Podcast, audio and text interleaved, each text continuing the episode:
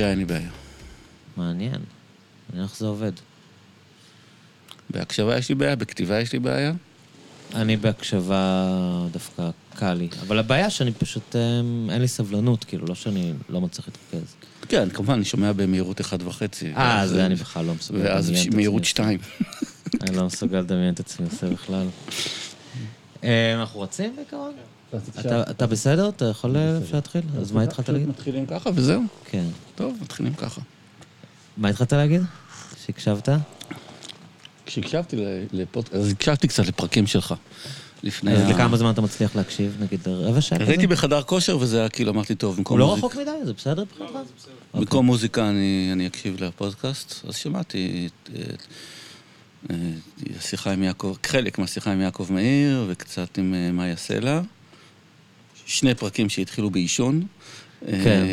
אה, אה, נכון, נכון. שניהם התחילו בזה, ואחד לפני ואחד אחרי. זה היה מאוד ניכר. אה, זה היה מאוד מאוד ניכר. מה, שאני לא מעשן? לא, מאוד ניכר צורת הדיבור והנו- והנושאים.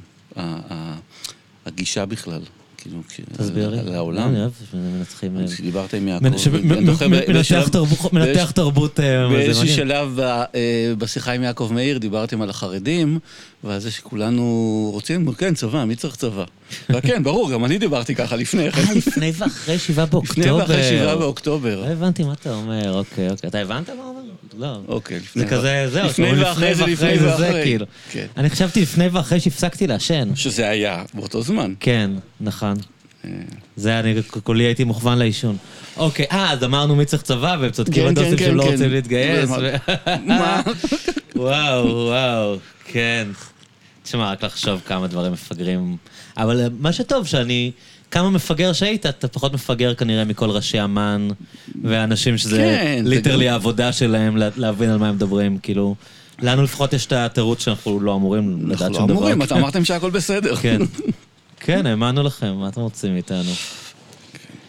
אה, אתה, אני אני הולך ישר להכי כבד. ואיך השער הכי כבד? מעבר. אני אברח משם, אבל כן. איך השער הכי כבד? לא, אבל אתה... אמ, אוקיי, אני קראתי על ה- על הרצח של המשפחה שלך בוויקיפדיה, שזה ממש, אני לא- לא לא זכרתי את הפרטים, כאילו, לא לא הכרתי את זה מאוד. זה ממש פריקרסר, כאילו, זה ממש אותה סצנה. מבחינת... הפיגוע שהכי כן, דומה... אבל בקטן. כן, אבל, אומר. אבל כאילו, מה שקרה שם זה הכי דומה ל-7 באוקטובר ששמעתי. כאילו, אתה מתכוון? מבחינת כן, איך כן, שזה כן, נראה, איך המעבר על הגדר, פורצים, כל האירוע רוצחים. בתוך הבית. נכון. עוברים אחד-אחד, זה מאוד 7 באוקטובר. אז סתם מעניין אותי, אתה כאילו, היה לך את זה בראש כל הזמן, שדברים כאלה קורים ויקרו? לא, כאילו, לא אתה לי ב-7 בראש. באוקטובר היית פחות מופתע ממני, אתה חושב? לא. אוקיי. לא, זה משהו אחר לגמרי, זה גם סיטואציה אחרת. לא, לא... מעניין אותי אם- אם אה, טראומה כזאת כאילו גורמת לך כל הזמן לחשוב שד- על על לא, היא האפשרות שזה יקרה. גורמת, אתה יודע, היא מגבירה חרדות. אני מקפיד יותר לנעול את הבית בלילה. כן. אה, וכאלה. אה, נעשיתי אדם הרבה יותר חרד. אבל מחשבה שמשהו כזה יכול לקרות, שוב? מה, אתם מפגרים? אה, לא, לא חשבתי שזה יכול לקרות שוב. כן. לא, אם היית שואל אותי, יכול לקרות, אז כן. לא, זה זה מוזר כל דבר, אבל, אבל לא, בכ, לא, לא חי בתודעה של כן, כל רגע, כל, עוד רגע זה יקרה, יקרה במשהו אחר. לא. סתם אני חושב, נגיד אחותי פונתה, היא עדיין מפונה מהצפון. זה היה דבר כל כך מוזר. שלא עדיין, מדבר, עדיין לא מדברים. על זה, נכון? פשוט. לא, זה הם לא טוב. שם. ואנשים באמת לא, כאילו, מין שיח כזה של האם נחזור או לא נחזור, אתה יודע. ו- ומה שמעניין, שמה שקרה שם, או לא, לא יודע אם זה נכון, אבל מה שכאילו אני חושב עליו, שמה שקרה שם, שפשוט באותו רגע, התסריט הזה הפך להיות מוחשי. כאילו, לא בהכרח השתנה משהו, חוץ מההבנה שלהם של fuck, זה יכול לקרות לנו גם. כאילו, זה הדבר העיקרי ש- שהשתנה מבחינתם. כן, אבל אנחנו יכולים לחיות כל הזמן בתודעה של זה יכול לקרות? לא נראה, לא, לא. נראה לי. אז מע- מעניין מה הדינמיקה, מתי אתה... כאילו, לי זה ברור שמתישהו היא תחזור, אבל גם אז לא ישתנה כלום. כאילו, זה נראה שזה ש... יחזור, שזה יהיה עוד פעם? לא, אני מתכוון שהיא תחזור הביתה. אה, שהיא תחזור הביתה, אוקיי. אני, אני, אני בטוח שמתישהו הם יחזרו הביתה, אבל השאלה אם משהו ישתנה כשהם יחזרו... אתה מתכוון, כאילו, ש... זה פשוט האפקט הזה של... גם כל השנים בתל אביב, היה פיגוע, אז אתה לא יוצא מהבית. אבל כאילו, גם יכול להיות פיגוע מחר ויכול להיות פיגוע אתמול. אני מאוד מכיר את זה כבעלים של בר, אתה יודע. שאם כאילו היה פיגוע בצהריים, אז בערב אנשים לא יצאו, אבל אין שום... החוקיות הזאת לא עובדת. תראה, אני... זה... זה לא עובד גם אצל אנשים שחיים בתוך מציאות של פיגועים. אה, המשפחה שלי, אמ, ההורים שלי עדיין גרים בנווה צוף, וגם יש לי שני אחים שגרים בהתנחלות. בנווה צוף אתה גדלת גם? אני גדלתי שם, כן. שזה גם בשומרון? כן. אוקיי. אה, בנימין, אבל... זה לא. אומר לי כלום. באמצע בין השומרון ל... זה... נניח. זה שמות קוד לעיר הערבית הגדולה של ליד, לא? אה, ל- בנימין? לא, לא, זה- ליד נבי סאלח. אה, שאולי עליה כן שמעת, כי יש שם סיפור עם מעיין ועניינים, ו... אה, והרבה הרוגים מנבי סאלח. אבל ת- תמקם אותי, זה באמצע כזה? זה באמצע, זה בקו הרוחב של בן גוריון, של שדה התעופה. אה, עניין המיקום הוא קצת משונה, כי זה... דרכי הגישה השתנו במהלך השנים. זאת אומרת, פעם זה היה... עיר המחוז הייתה תל אביב, עיר המחוז, כאילו, המקום שלה בנושאים היה תל אביב, ירושלים הייתה יותר רחוקה, פתאום ירושלים התקרבה, ואז הקימו את מודיעין, ואז פתאום נסלל כביש חדש, ועכשיו מודיעין זו, זו העיר הקרובה. אבל אז- כשאתה היית ילד הייתם הולכים לרופא בתל אביב, או לקופת חולים בתל אביב כן. נגיד? תל אביב או פתח תקווה, אני העדפתי תל אביב, גם אבא שלי עבד בתל אביב. אה, זה דרום תל אביב, זה כאילו, מחוז הילדות שלי זה או דרום תל אביב או, אה, או נווה צוף. איזה מוזר זה, לא? מאוד מוזר. שאתה מאוד. כאילו, יש לך מין ראייה לעולם ששם, ואתה גם מסתובב בתל אביב, כשאנשים כאן לא שוב, זה יכולים אפילו לדמיין. זה תל אביב קצת שונה, שוב, זה דרום תל אביב. אה, ראית את הסרט עג'מי? כן. אז ה- העבודה של אבא שלי הייתה בקריית המלאכה. מהמם.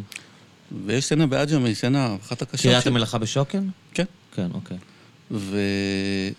ויש סצנה שמתרחשת שם. מהמם. והיא סצנה קשה, אבל לי, ראיתי את זה וזה היה... כן, "או, מחוז זה- ילדות. אה, כן, אז זה יותר... אבל לגבי הראייה הכפולה, אני חושב שאני שייך לדור הזה של מקום כפול. זאת אומרת, אני אומנם גדלתי בנווה צוף, אבל הגענו לשם בגיל, כאילו בגן חובה.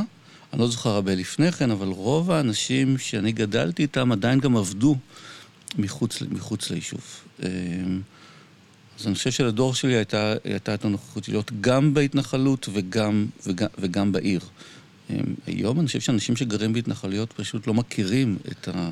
ככה אנחנו לפחות מדמיינים אותם. אז, אז, אז כאילו עכשיו, אני מדמיין אותם, את החבר'ה שהם באים לתל אביב, והם מסתכלים על זה כאילו קצת כמו, אתה יודע, העיר אז- הגדולה. אז עכשיו זה. נכון, עכשיו כן. זה נכון. ההיכרות שלהם עם, עם העולם שהוא לא העולם הדתי המתנחלי מאוד מאוד מצומצמת. וזה הופך אותם קצת לאנשים, בחלקם, כן. צרי אופקים, כאילו... זאת אומרת, יש מין דיבור כזה על סמוטריץ', לדוגמה, או על- הסמוטריצ'ים, שהם כל כך בתוך ה... אני תיבת אני תעודה של אני- המתנחלים, שכאילו אין להם מושג על אני העולם. חושב שכן, יכול, תראה, באותה מידה אפשר לומר את זה גם עלינו, שאנחנו חיים בתוך תיבת כן, תעודה, תיבת תעודה שמאלנית. אה, אה, התיבה שלנו יותר גדולה. אולי. יותר קשורה לעולם שמחוץ אלינו. כן, אני מקווה. אמ, אבל כן, כן, אני חושב שאצל סמוטריץ' ואצל החבר'ה זה גם הפך לסוג של... אצל חלקם. אמ, מין התנשאות כזאת גם, לא? כאילו כן, זה מין- אנחנו... זה- זה מין אידיאולוגיה של צרות אופקים. כל מה שהוא לא העולם שלנו לא ראוי ליחס, יש את הכל בתורה. או כן. רק שהתורה שלהם קצת מצומצמת, או מאוד מצומצמת בעיניי. גם... ד- דיברנו על זה כמה פעמים, אנשל סיפר לי את זה, אנשל פפר, ש... שכשהוא נבחר אה, להיות שר האוצר, אז הוא אמר, אה, ניסינו סוציאליזם, ניסינו קפיטליזם, אבל לא ניסינו את... אה, היה אם שמוע תשמעו, הוא- או כן, כן, אם. תלכו בחוקותיי, כן, משהו ב- כזה. כי- באמת אין לו מושג. הוא, כן. שהוא הנציג המובהק של הדור הצ- הצעיר של המתנחלים. וגם, הנה נגיד, הדוגמה המאוד טובה הייתה כשהוא ניסה לדבר אנגלית. כאילו שהבעיה היא לא שהוא לא יודע אנגלית, הבעיה שהוא לא יודע שהוא לא יודע אנגלית. ושלא אכפת לו שהוא לא יודע אנגלית, כאילו ושהוא מין לא כזה, חושב אחי, בעיה. אתה לא יודע אנגלית, למה אתה מדבר באנגלית? אבל משהו יש- שם, כאילו זה היה קצת הצצה ל... יש אצל חלק מה... חלק מהמתנחלים במה שנקרא ישיבות הקו, החלק, החלקים של הר המור, אבל גם עלי וכולי. שמזוהים עם הרב טאו. כן, שגם מתנגדים ללימוד אנגלית. זאת אומרת, כי הם, הם שמעו, הם למדו באופן קצת מעוות וקצת פשטני, שכל שפה היא תרבות, ומכיוון שהתרבות הזרה היא, היא משהו שרצו להתרחק ממנו, אז גם נלמד את השפה עצמה, אנחנו מטמיעים בעצמנו בלי לדעת הם, דברים עוד פסולים. פוסט-מודרניסטי. למה? לא. זו גרסה מאוד רדודה לא, מין ו- תפיסה כזאת של הבניית המציאות, ו...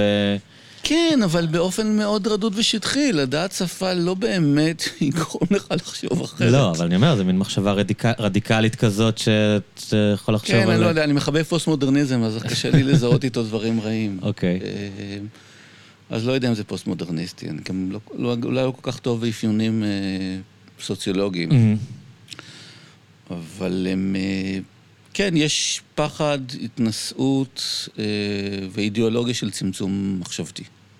אה, אני לא מרגיש שזה... שדווקא כאילו המקום- בדורות הקודמים של, ה...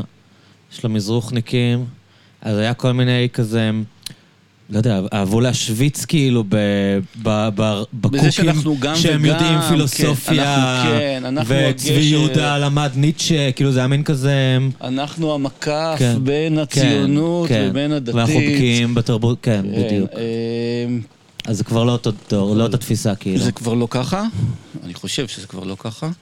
תראה, גם ההיכרות שלי, אני, אמנם, זו המשפחה שלי, אבל יצאתי משם לפני די הרבה שנים, ושינויים אני כאילו... כאילו, אני יכול לספר מבפנים מה קורה, אבל אני לא יודע לספר מבפנים אתה מה קורה. מסתכל מבחוץ, כאילו? אני גם, אני כבר עזבתי את... את, את, את מ-95 אני גר בירושלים. עברו כמעט 30 שנה. אבל אתה- אתה מבקר שם? רוב חיי אני כבר שמאלני. אבל אתה מבקר את ההורים, נגיד? כן, כן. אוקיי, אני- אז מבקר, יש, אתה יש לך, אתה מכיר את העולם הזה. כן, אני מבקר, אבל אני מבקר אותם בתור הורים, ואנחנו לא מדברים על פוליטיקה. ואנחנו, אתה יודע, וגם הטעמים התרבותיים שלנו שונים, אז הם, הם משפחה. אני לא באמת יכול לדעת או לספר מה קורה בפנים. אני יכול לעשות סוג של אקסטרפולציה על בסיס מה שאני, המקום שאני הייתי בו ודברים שאני רואה, ולהגיד, אוקיי, אלה מגמות, אוקיי. שאני, אלה מגמות שאני ראי, ראיתי אז. אני כאילו, אני מבין מאיפה הם באים. אני מבין מאיפה הם באים, אני יכול לראות את עצמי במובן מסוים שם. אמ, כן. אמ, אני חושב שזו חברה קצת, אה, בעיניי, אומללה. תפרט טיפה. לגבי האומללות. אני חייב? טוב. זה אה, מעניין. אתה יודע, אתה מטיל... סתם, לא, כן, אתה חייב.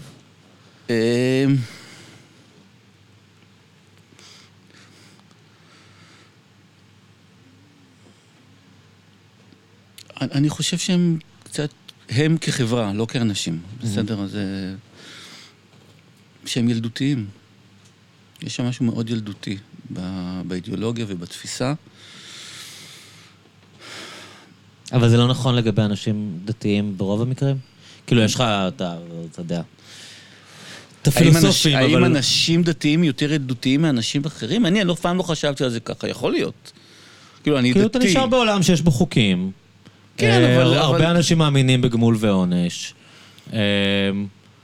זאת אומרת, אתה יודע, זה קצת כזה... אני לא חושב שזה יותר ילדותי מה... מהאדם הממוצע, מהמם. הוא לא בהכרח. זאת אומרת, אתה מאמין בצבא, אתה מאמין בחוק, אתה גם מאמין בחוקים, אתה גם מאמין במערכת משפט, אתה מאמין בכל מיני, אתה מאמין בכל מיני דברים, אתה מאמין בצבא. אני חושב שלדעת יש פוטנציאל שחרור. זאת אומרת, להאמין במשהו שהוא, יותר גדול. שהוא יותר גדול, לא רק שהוא יותר גדול, שהוא לא, שהוא לא נותן לי שום דבר. אמ, שהוא, אני לא יכול להאמין ב... אבל יש אנשים שמנהלים יחסים של אה, ש- שכר ועונש עם אה. הבורא. אז זה כן נותן משהו. אני, כאילו, לא זוכר ששכר ועונש היה משהו משמעותי בתוך ה... אמ, בתוך החינוך שלי, במובן של אם תעשה ככה, תעשה לא טוב, אלוהים יעשה, יעניש אותך. לא, זה לא, אני לא חושב שזה העניין, וגם לא לזה אני מתכוון בילדותיות.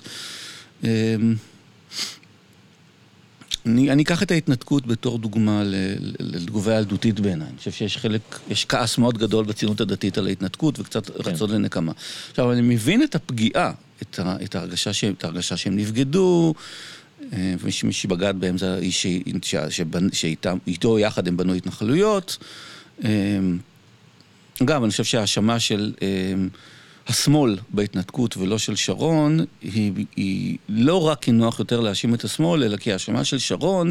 הכחשה שלך. זה רגע, אבל אתם עבדתם יחד, אנחנו היינו כל הזמן יחד עם שרון, אז מה זה אומר עלינו? הלכנו שולל, היינו זה נ- ניסיון לספר מחדש את הסיפור כן. כשהם פחות... שבו, אה, כן, בו האחריות היא בכלל לא עלינו. כן. והמשהו הילדותי הוא חוסר הבנה של המציאות הפוליטית שבה אתם, שבה אתם נמצאים. של העובדה שדברים כאלה וחמורים יותר מתרחשים לאנשים אחרים, שהמדינה עושה אותם לאנשים אחרים. Hmm. הם, אתם לא היחידים שפינו אותם מהבית שלהם. הם לא היחידים שפינו אותם מהבית שלהם, אבל בחוויה שלהם, כאילו... אבל בחוויה שלהם איפה כן. היית בהתנתקות, איפה היית בהתנתקות, וזה אף פעם לא... איפה אני הייתי בגבעת עמל? איפה אני הייתי למשל, כשלמישהו קרה משהו? איפה הייתי כן. כשמפנים, אה, איפה הייתי כשמפנים בדואים? זה בטוח, כאילו, אבל פה יש עניין של אה, אה, תפיסה של עליונות יהודית, לא? כאילו... כן, אבל הם גם לא רואים את זה. זה לא רק שאומרים, אוקיי, זה מוצדק וזה לא מוצדק. זה, אני חושב שפשוט עיוורון לעובדה שהדבר הזה קיים. כן. אה, הסיפורים, כן, הערבים חיים כן. מצוין. אה, אני, אני מרגיש עכשיו במה שקרה עם התקציב, שמעבר לכל הזה שאומרים, זה גניבה, זה זה, באמת הם מרגישים שמגיע להם. כאילו, יש באמת תחושה שאתה יודע, ותמיד המציאות מסתדרת. עכשיו, כן, אנחנו מקריבים הכי הרבה. כלומר, באמת יש תחושה שמגיע לנו יותר. נכון, כי אנחנו, צריכה כי להביא לנו יותר אנחנו. עושים יותר, כי אנחנו החלוץ, אנחנו האוונגרד, אנחנו. המפתח לעתיד. כן. אה, אז אולי אנחנו לא נגיד לכם שמגיע לנו יותר, אבל איך אתם לא מבינים את זה? מה אתם רוצים? תניחו לנו כבר, כאילו, למה אתם... תראה, לפני הרבה שנים, כשעוד הייתי בישיבה, הייתי בישיבת הסדר באור עציון, וזה היה בשנים של, אה, בעצם בשנים של הסכמי אוסלו. הייתי מ-90 עד 95. שאיזה מין ישיבה זאת, אני לא בקיא. עם מה, עם ישיבת מזוהה עם משהו מסוים? בראש הישיבה הוא אה, הרב חיים דרוקמן, היה, זיכרונו לברכה. זה מין מיינסטרים של גוש אמונים? מין מיינס- מין מיינסטרים, כן. והסכמי אוסלו היו סוג של משבר, ואני, וחלק מה, מהדיונים האידיאולוגיים שהיו אז היו אה, שיתוף הפעולה או אפילו ההיכרות עם, אה, עם אנשים חילונים. האם ראוי להיות חבר של אדם חילוני? כי הוא ישפיע עליי לרעה וכולי וכולי. כמובן אני רוצה להכיר אותו כדי להשפיע עליו טוב, אבל יכול להיות שהוא ישפיע עליי לרעה. כמובן שיש דברים טובים בחילונים, אבל וכולי וכולי. כן. ובשבת אחת, אה, במין, הת- הת- מה שנקרא עונג שבת, שזה אחרי הארוחה, נפגשים אצל אחד הרבנים, והוא אומר, נותן איזה שיעור, ויש איזה דיון, ואוכלים עוגות. והיה דיון על, ה, אה, על הדבר הזה. מה שהיה שונה באותו דיון, זה שבאותה שבת התארח אצלנו אה, מישהו שהיה, לא איתי, אבל היה, זה היה אחרי, אחרי, אחרי השירות הצבאי שלנו, שהיה במסגרת הישיבה, ובחור חילוני התארח. מישהו שהיה, היו איתו קשרי? ידידות, שהיה איתנו בצבא. והוא ישב שם. והוא היה בהלם גמור. כי מהצד שלנו היו את השמרנים, הקשוחים שאומרים אסור לדבר עם חילונים, או עדיף להימנע מהם, ואת אלה הפתוחים והנאורים שאומרים, לא, מה פתאום, צריך ידידות, והוא ישב שם, וזה היה כאילו, ראו שהוא בהלם. על, אתם מדברים עליי בתור סוג של אובייקט, שאולי ככה, אולי ככה, ולא, ולא בתור בן אדם. הוא לא אמר את זה, אבל ראיתי את ההלם על הפנים שלו. אמ, כן, אני לא חושב ש... זה, אז הנה השורשים של דברים שאנחנו רואים גם היום. ומה שקרה זה שהמחנה שלה לא לדבר איתם הלך ו... ונהיה דומיננטי? נכון? או, אפשר או להגיד? שהמחנה של לדבר איתם, אבל העניין שגם המחנה של לדבר איתם, הכל מתוך תפיסה מאוד ברורה של, כן, של עליונות. שבסוף הם יבינו... הם יבינו את כן. האמת. יש דברים שאולי אנחנו יכולים ללמוד מהם, לא ברור מה. כן, חוכמת, ה... יכולים- חוכמת העולם זה הזה, אפילו לא חוכמת העולם הזה, זה מין אה, אהבת ארץ ישראל, תראו אה, איך הם אוקיי, יש מסורים. בצבא, תראו את החל- את החלוצים, כן. כל מיני דברים, כל יש מיני בהם דברים גם הזה. ניצוץ יהודי יש כזה. בהם גם ניצוץ יהודי. אוקיי, אבל... אבל ההקצנה שקרתה, אז היא, אני אתמול פגשתי מישהי שאמרה לי שהיא עזבה את הדת בגלל ההתנתקות, ואחרי אחרי זה גם חזרה, אבל כאילו, זה היה משבר של הדור הזה ממש חזק, נכון מה שאמרת? אני כאילו, לא יודע, אני- אמרה אני- לי... אני עזבתי אני עזבתי עוד קודם, אז- כן. אז- אז ההתנתקות לא הייתה בשבילי שום אירוע. הסתכלת עליו מבחוץ לגמרי? הסתכלתי עליו מבחוץ אבל המשפחה. שלך הייתה בהפגנות, או... תראה, אחי, אה, זיכרונו לברכה, היה גר בנצרים, אז הוא פונה מנצרים. אה, לא ידעתי את זה. כן. אוקיי. אחותי גרה בניסנית, אז פונתה מניסנית. אמ, אה, אשכרה, גם אחי... אשכרה, אשכרה.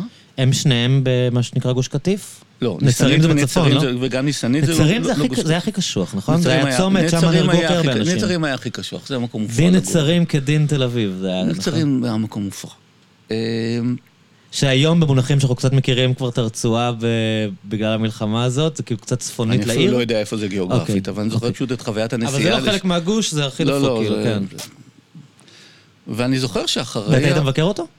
אז פעם אחת נסענו לברית של אחיין שלי, אמ, ונסענו במשאית ממוגנת עם קסדות על הראש. ובדרך חזרה אשתי ואני אמרנו, לא, אנחנו לכאן לא חוזרים.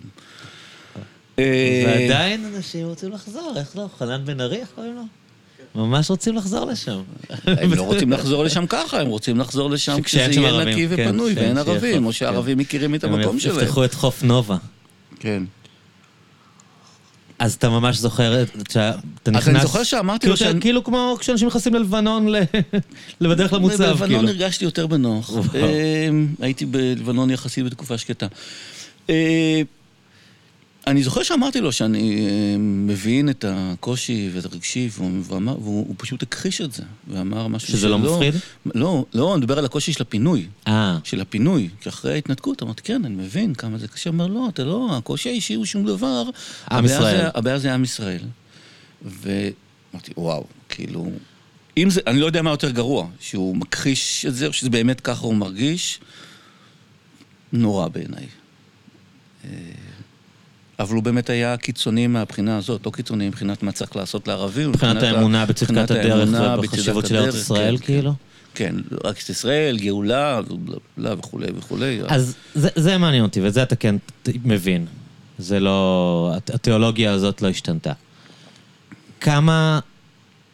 כמה העניין המשיחי הוא באמת חזק? כי יצא לי לדבר עם אנשים שאמרו לי שכאילו, אצל הרבה מהמתנחלים הם לא באמת משיחיים, זה כבר יותר עניין סוציולוגי כזה, של ההתנחלות זה, אתה יודע, זה, ה, זה הקבוצה שלנו וצריך לדאוג לקבוצה, ומפחדים שהתנועה תתפרק אם יפנו, לעומת אנשים שבאמת מרגישים שהם מקרבים את הגאולה.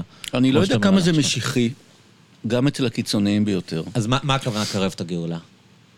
אם לא, אם לא במונחים מיסטיים.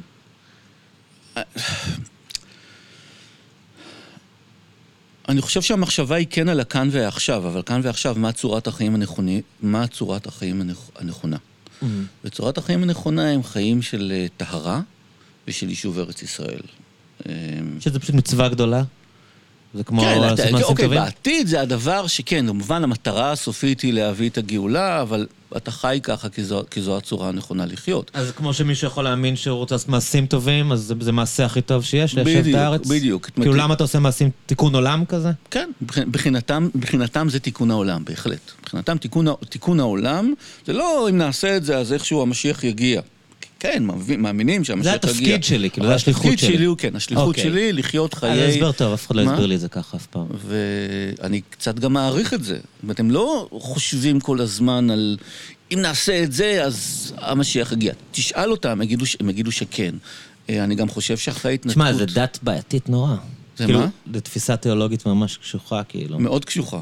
אני קצת מעריך אותה, אני קצת אוהב אותה אפילו. וזה, אז אוקיי, אבל זה שאלות שאתה כן מבין. היסטורית, זה, זה טוויסט של, אה, של, של צבי יהודה, כאילו? לא יודע. מאיפה, מאיפה הם הבינו שזה הדבר הכי חשוב, כאילו? מאיפה הגיעה התפיסה הזאת של... אין לי מושג. מאיפה באמת זה הגיע? תראה, אני לא יודע. אני גם לא כל כך טוב בניתוחים. כן, אני יכול אוקיי, להמציא. ניתוחים. יותר נכון, אני יכול להמציא איזה זה ניתוח. ניתוח היסטורי שאתה רוצה. כן, זה מה שאנחנו אין עושים. בעיה לתת הסברים, ולכן אני קצת חושד בהסברים היסטוריים. אוקיי. אבל איכשהו הגענו מנקודה שזה לא היה קיים בעולם לנקודה שזה קיים בעולם. זה לא שיהודים אלפיים שנה לא יודע- סיכנו את חייהם כדי להעמיד קרוון על גבעה. אה, זה it's a new phenomenon, אני יודע כאילו. מה קרה, הציונות קרתה. אוקיי. אני חושב, שה, אה, אני חושב שהדת של הציונות הדתית היא בעיקר אה, לאומיות. כן. כלומר, הבעיה זה... כולם חושבים שהבעיה זה הדתית, הבעיה זה הציונות אני חושב והציונות שהבעיה- הדתית. כן, אני חושב שהבעיה היא... זה ה- מעניין, אני זוכר שלואי ת'רו עשה סרט על מתנחלים קיצוניים, אז הוא קרא, הכותרת שלו היה אה, The Extremist Zionists. כאילו ככה הוא ראה את התופעה, הוא ראה אותם כציונים קיצוניים, לא כדתיים הוא קיצוניים. צודק, אני ממליץ כן. מאוד מאוד למאזיננו, וגם לך, לקרוא את, אה, הספר "התחלת" של מיכאל מנקין. מוליצו לי על זה כמה פעמים. ואותו כבר. גם ערכתי, אה, אבל אוקיי, לא ידעתי. אה, הוא ספר מצוין, והוא מסביר מעולה את הדבר הזה, באמת איזשהו שינוי ב, במזג היהודי. אה, דחיקה של ספרי מוסר. אה, תראה, למשל, כשאני הייתי ביהדות ה... אני לא אגיד הקלאסית, אבל כשאני הייתי, כשאני הייתי, כשאני הייתי בישיבה התיכונית. אה, ספרי מוסר הם חלק מה, מהקורפוס היהודי החשוב. למשל, מה, מסילת- ישרים? למשל מסילת ישרים. אתה יודע, תקפיד על מה שאתה עושה, תקפיד כן. על מה שאתה אוכל, תקפיד על מה שאתה חושב. עכשיו, אלה דברים ש... אמ, דיכאו אותי עמוקות בתור תיכוניסט. כי אתה, אם אתה אדם דתי, באיזושהי רמה, ודאי אם אתה בן נוער, ש... כי אתה בן נוער, ואתה לוקח את זה ברצינות, אז אתה כל הזמן בוחן את מה שאתה עושה. זה איום ונורא. אמ, כן, מה שקוראים observant באנגלית, כאילו. כן, אבל ברמות, ברמות כן. באמת מופרעות. אבל הצד אה, החיובי... כי כל פעולה יכולה כי להיות כל חטא. פעולה, כן, וכל הזמן זה, כאן חטאת, כאן היו לך משהו מחשבות לא לא טובות, מישהו. כזה, זה איום ונורא. האם המחשבות שלך מספיק טהורות, אתה צריך כל הזמן להג- להגביל את עצמך. זה מאוד מאוד קשוח. הצד החיובי של זה, זה ש... אמ, זה מחנך אותך להיות אדם שמסתפק ב... ש... שמגביל את עצמו. ואני חושב שזה דבר חשוב. לא שאני כזה מגביל את עצמי, אבל כן, הידיעה הזאת שלא, לא אתה לבד נמצא בעולם, יש עוד אנשים, יש עוד ערכים שכדאי להקפיד עליהם, כדאי לחשוב על המחשבות שלך, תשפוט את עצמך מדי פעם. כן. אמ, אני חושב שמה שקרה לציונות הדתית זה נטישה של, נטישה של היהדות הזאת. אמ, הרב קוק, ואני לא מדבר על הרב ציודה, אני מדבר על, על הרב המקורי. קוק האב, המקורי. אמ, המקורי ובניו, אמ, הבטיח חזון חדש, הבטיח משהו חדש ויפה. אני זוכר שבתור תיכוניסט, אמ, אני אגיד משהו, איזושהי הערת ביניים על, על המקום שאני גדלתי, לא המקום שגדלתי בו, הישיבה התיכונית שלמ- שלמדתי בה. אמ, הייתי בישיבה תיכונית בשנות ה-80, בעצם המחצית השנייה של, של, של שנות ה-80. וישיבה תיכונית הייתה חצי יום אתה לומד גמרא, זאת אומרת פנימייה קודם כל, חצי יום אתה לומד גמרא, אמ, ארוחת צהריים, ועד חצי יום אתה עושה תיכון. והדרישה היא להיות מצוין בשניהם. מערכת מופרעת לגמרי. ואחר כך בערב יש גם סדר ערב שבו אתה לומד גמרא. פנימייה, חיים די קשוחים. אמ, רוב הסגל ב, אמ, בישיבה שבה אני למדתי, ואני חושב שזה נכון לרוב, לרוב הישיבות תיכוניות באותם שנים, היו חרדים. אמ, כי הם יודעים גמרא הכי טוב, כאילו? כי לא היו, הר- הר- לא היו, לא היו, לא? היו, לא היו מספיק רבנים ציונים דתיים, לא היו הרבה כל כך. תחשוב, אנחנו מדברים אם, ב- אם הציונות הדתית מתחילה להתפתח ולהסתער קדימה בשנות ה-70, שנות ה-80 כבר יש, אבל, אבל מעט, ודאי שאין דיינים ציונים, אני חושב שדיברו על מישהו שהוא יהיה הדיין הציוני-דתי הראשון. לא, אוקיי. לא היו כאלה. כאילו, תביא איזה דתי שילמד אותם, מה זה משנה אוקיי. עכשיו? כן. והרגשנו התנגדות לתוך הדבר הזה. זה, לא, זה היה ברור שזה לא הדתיות שלנו. המורים היו נראים לכם... המורים האלה, הרבנים האלה. כאילו מעולם ישן כזה? מעולם ישן, חרדי גם, הם, הם היו חרדים, הם לא, הם, הם בקטע של למה שתעשו, כאילו אם תלכו לישיבה חרדית זה יהיה מעולה, זה הכיוון שאתם צריכים כן. ללכת אליו. אני חושב שזה היה טוב, כי טוב להיות בבית ספר שבו יש לך איזושהי קצת עמדה של התנגדות ל, ל, לאנשים שמלמדים אותך. יש בזה משהו חיובי. אה, זה השתנה. זה, אני חושב שזה זה לגמרי, זה לגמרי, זה לגמרי השתנה. אבל מה, אני רוצה לחזור לנקודה של, של, של הרב קוק. אני זוכר שגיליתי במקרה, הייתי נער שאוהב ספרים, פשוט חיפשתי מה לקרוא. כל דבר, גם ספרי חול וגם כל ספר שנמצא, ובמקרה הגעתי לאורות התשובה של הספר של הרב קוק. וזה אחרי שקראתי את מסילת ישרים שהוא דיכא אותי עמוקות. ואורות התשובה הוא ספר על חז... תשובה, על חזרה בתשובה, אבל הוא שונה לגמרי בסגנון שלו, הוא מלא חיוביות ואופטימיות ואור, ו... ובאמת, כן. הוא עשה לי באותה תקופה, הוא עשה לי טוב. הוא אוקיי, אני לא צריך להיות כל הזמן כפוף ו... ו... ומדוכא כדי להיות אדם דתי. זה משהו שהרב קוק הציע, לה, הציע לדת, והוא הציע, הוא לא הציע עצמם לדתיים, הוא הציע לדת. ואני מבין את החיוביות שבזה. אני חושב שאנחנו רואים עכשיו את הפירות השליליים של זה, כי בעצם האופן שבו זה התפרש זה, אה, כל מה שאנחנו עושים הוא טוב, אנחנו לא צריכים לחשוד בעצמנו. אבל מה אנחנו- בדיוק היה המסר שלו? נראה קצת דילגנו על זה. כאילו, מבחינת השחרור הזה... אני חושב, ש, אני חושב שיש משהו מאוד מסוכן בדת שלא מגבילה את עצמה. אבל מה הוא אומר באורות תשובה שאתה... באורות התשובה, הוא מתאר איזשהו תהליך, התשובה מבחינתו זו תשובה עולמית, העולם... תהליכים עולה- קוסמיים? העול, כן, תהליכים קוסמיים וגם אישיים, ואתה צריך להאמין בעצמך וללכת קדימה. זה חיובי מאוד הבנתי, אז מאוד זה מאוד. פחות העניין הזה של להיות בדלת אמותיך. ולהקפיד על כל... אה, לא, תקפיד על המצוות, אבל אל, אל תהיה מדוכא בגלל דברים שעשית, וזה בסדר. אני, חושב- אני לא חושב שהספר... ויש הזה- עולם גדול בחוץ שאתה כן. חלק מאיזשהו... כן, אני, אני, לא חושב, אני לא חושב שהספר הזה הוא ספר רע. אני חושב שהוא ספר טוב. אני חושב שגם יש לו... ש... הוא גם כתב יפה, לא? והוא כתב יפה. היום אני קצת פחות אוהב, פחות כי אני כאילו אוהב כל פעם. שאני קורא קטעים, אני אומר, אוקיי, יש לו סגנון, כן, כן. יש לו סגנון קצת, כן. יש לו סגנון קצת שירי, כן. והוא כתב יומנים, והוא היה איש אה, מעניין כן. ומוטרד, שניסה לכלול את הכל ולהיות גם, אה, להכיל כאילו את כן, הניגודיות. להכיל, הוא- איכשהו ניסה להתמודד עם מודרנה. ו- ו- ולכלול את המודרנה, ולכלול את החילוניות בתור איזשהו תהליך עולמי, ולפרש אותו באופן היו לו כוונות חיובי. טובות. היו לו כוונות מאוד מאוד טובות. כן. אה, הוא גם קצת מטורף. מהמם. אה, יש, אני עכשיו קורא, יש ביוגרפיה יפה, יצאה לפני כמה שנים בעברית, של יהודה מירסקי על הרב קוק, שהוא מפרש אותה מנקודת מבט אה, ביקורתית, אבל, אבל מאוד אוהדת ומאוד אה, מזדהה עם, עם הכוונות שלו. ויש את ה, איזשהו דיאלוג בינו ובין ברנר, שברנר ממש בז לו. כי, כי. ברנר אומר לו, תשמע, אתה לא יכול, העולם קרוע. תבחר, כאילו. העולם, העולם קרוע, אתה לא יכול להכיל גם את זה וגם את זה וגם את זה. הוא אומר לו, לא, אני כן, אני כן רוצה להכיל את הכל. ועגנון העריץ אותו, נכון? מה? עגנון אני לא העריץ אותו. אני לא יודע אם הוא אני העריץ ראיתי, אותו. יש איזה ציטוט של עגנון, שהוא אה, אומר שהאנשים החשובים ביישוב זה... אה, אה, הוא אומר, כאילו, נראה לי שהוא אמר על זה, על ברל, כאילו, שהוא רוצה להגיד שחוץ מ... אה, הוא היה האיש הכי חשוב ביישוב, חוץ מרופין ורבנו הקדוש. אוקיי. ורבנו אה, הקדוש זה הוא, כאילו... אז, אה, אז מבחינתו... אז הוא, הוא כנראה היה אישיות מאוד מאוד מרשימה, והוא כן. באמת ניסה להכיל את כל ההפכים האלה. יש הבדל, אתה יודע, בין אדם אחד לבין זרם שלם או תנועה שלמה, והיא שחושבת שהיא מנסה להכיל את ההפכים, אבל אז הדת במקום משהו שהוא מגביל אותך ומכוון אותך, הופך למשהו שמתיר לך לעשות את הדברים הרעים ביותר. כי אתה בשליחות של מטרה כי אתה הרבה יותר בשליחות של גדולה. מטרה גדולה. ואתה פשוט, זה- לא, ואתה פשוט לא רואה את, את הדברים. אחד, תראה, אחד השלבים החשובים ב, ב, ביציאה שלי לשמאל, לשמאלנות. הייתה בישיבה,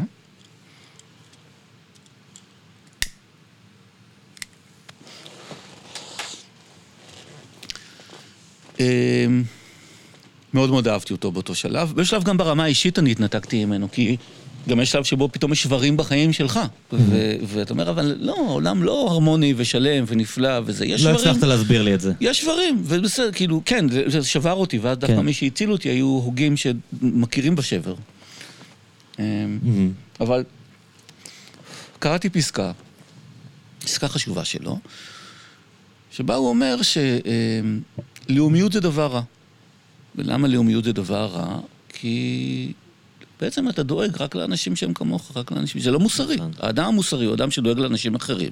לאומיות אומרת שאתה מגביל את הטוב שלך רק לאנשים שהם קרובים אליך, לכן לאומיות זה דבר רע. כן, ליבוביץ' אומר, מוסר לא, לא מקבל הגדרות מצמצמות. אתה לא יכול לעשות... אה, נניח, אבל כן. אז הוא מוצא פתרון, אוקיי. פתרון גאוני. יכול להיות. הוא אומר, קדושה זה דבר שונה. אה, מי זה האדם הקדוש? האדם הקדוש זה אדם שגם כשהוא מיטיב לעצמו, הוא מיטיב לאחרים. עכשיו, אני יכול לקבל את זה. השלב הבא הוא אומר, ועם ישראל הוא עם קדוש. עם ישראל הוא עם קדוש, כי כשהוא מיטיב לעצמו, הוא מיטיב, הוא מיטיב, הוא מיטיב לאחרים. עכשיו, אני חושב שהוא תיאר את זה בתור איזושהי שאיפה. ככה צריך, ככה, אז זה גם היה תפיסה של הרצל. ככה עם ישראל צריך, צריך, לה, צריך להתנהג. הוגי הציונות חשוב במונחים כאלה, נבוא לישראל, אז זה יעזור לערבים ונהיה אור לגויים, וזה יהיה מדהים לגויים שאנחנו זה נבוא לכאן. אבל זה הפך למין תפיסה מהותנית. מהמם. זאת אומרת, אנחנו קדושים, ולכן אנחנו דואגים לעצמנו, ולכן יהיה גם טוב בהגדרה, מה שנקרא. בהגדרה. כן. אגב, הציונות הדתית, אני חושב שזו עדיין התפיסה, כשאתה אומר התקציבים של סמוטריץ', הוא חושב שזה ככה גם ברמה ה- הפרטית של הקבוצה המסוימת שבה הוא, שבה הוא משתייך. אם יהיה להם הוא בית יותר יפה וגינה כן, ציבורית. הוא יגיד, לא, אתה לוקח את זה לשטויות, אבל אם יהיה לנו חינוך טוב, כן. אז, אה, אז אה, אנחנו, לנו יהיה יותר, אנחנו נהיה יותר טובים וככה נוכל להשפיע יותר, יותר אור על כולם. וזה השלב שבו אני, אבל כשקראתי את זה לרב קוק, הסתכלתי ואמרתי, אבל זה לא נכון. מהמם. אנחנו שולטים בשטחים, עדיין לא הייתי שמאלני, אבל אני לא יכול להגיד שזה באמת מיטיב איתם. זה לא. אז אני צריך להחליט לאיזה כיוון, לאיזה כיוון אני הולך. אה, כן. ואתה אמרת שהסתמלנת ב-95, אז זה... זה היה תהליך שהתחיל... אבל ב- ב-95 יש שנה מאוד ספציפית. כן, אז אה, שנה מאוד ספציפית, כי אז יצאתי לאוניברסיטה. אה, באמת? זה בכלל לא קשור לרצח רבין? לא, למה? מי? מי? למה? לא, זה לא. הקרע הגדול הראשון. זה כאילו, קשור, מה- לא, אבל לא, כבר היו, כבר היו בניצנים... אגב, בנט שם את הכיפה בעקבות רצח רבין. אתה מכיר את זה? כן, כן. יש כאלה. כן, תראה, אז קודם כל, אני הסתובבתי עם כיפה אחרי רצח רבין. כן. קודם כל, אז הגרעינים כבר היו, היו בישיבה. זאת אומרת, עזבתי את הישיבה ב-94-95, כבר הייתי ככה על הסף. מהמם.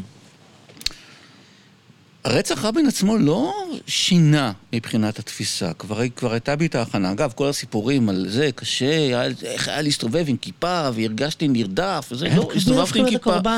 לא הרגשתי כן. נרדף, אף אחד לא הסתכל עליי שונה, או שפשוט הצלחתי להתעלם מזה, אני, לא, אני, אני לא, זה בטוח ש... המהלך, איך הם הפכו את עצמם לקורבן אבל זה קצת כמו. אנשים שאומרים, מסתובב בעיר העתיקה ואני מרגיש ש...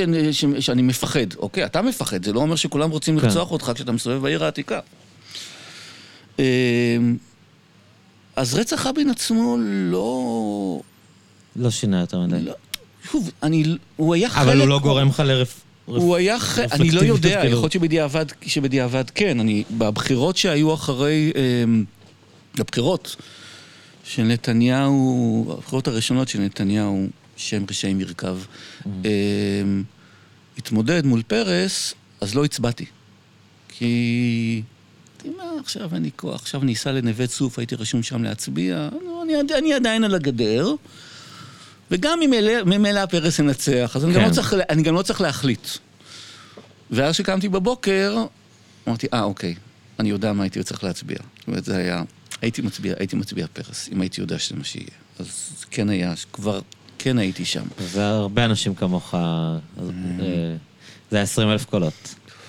כן, כן, אני אחראי, חבר'ה, אני תמיד לא, הפסדתי. אני תמיד הפסדתי בבחירות. אני זוכר שיונתן גפן כתב שבשביל מה לעשות את הבחירות, כולם יודעים שפרס ינצח, אפשר ללכת לים. כן. כאילו, היו הרבה אנשים שתרמו ל... נכון. אמ, אבל זה היה חלק, מ- אתה יודע, מהיכרות עם אנשים אחרים, היכרות עם אנשים חילוניים, היכרות עם סטודנטית פלסטינית שפתאום סיפרה לי איך, אה, איך החיים נראים מהצד שלה. אמ, בלימודים הכרת אותם? בלימודים. זה לכן גם היה מעבר לשמאל היותר אה, אה, רדיקלי, כי היא לא סיפרה לי, כי היא סיפרה לי עד כמה הסכם אוסלו הרע את המצב שלה, ויש יותר מחסומים, אמרתי, אוקיי, אז כנראה שהסכם אוסלו לא מספיק.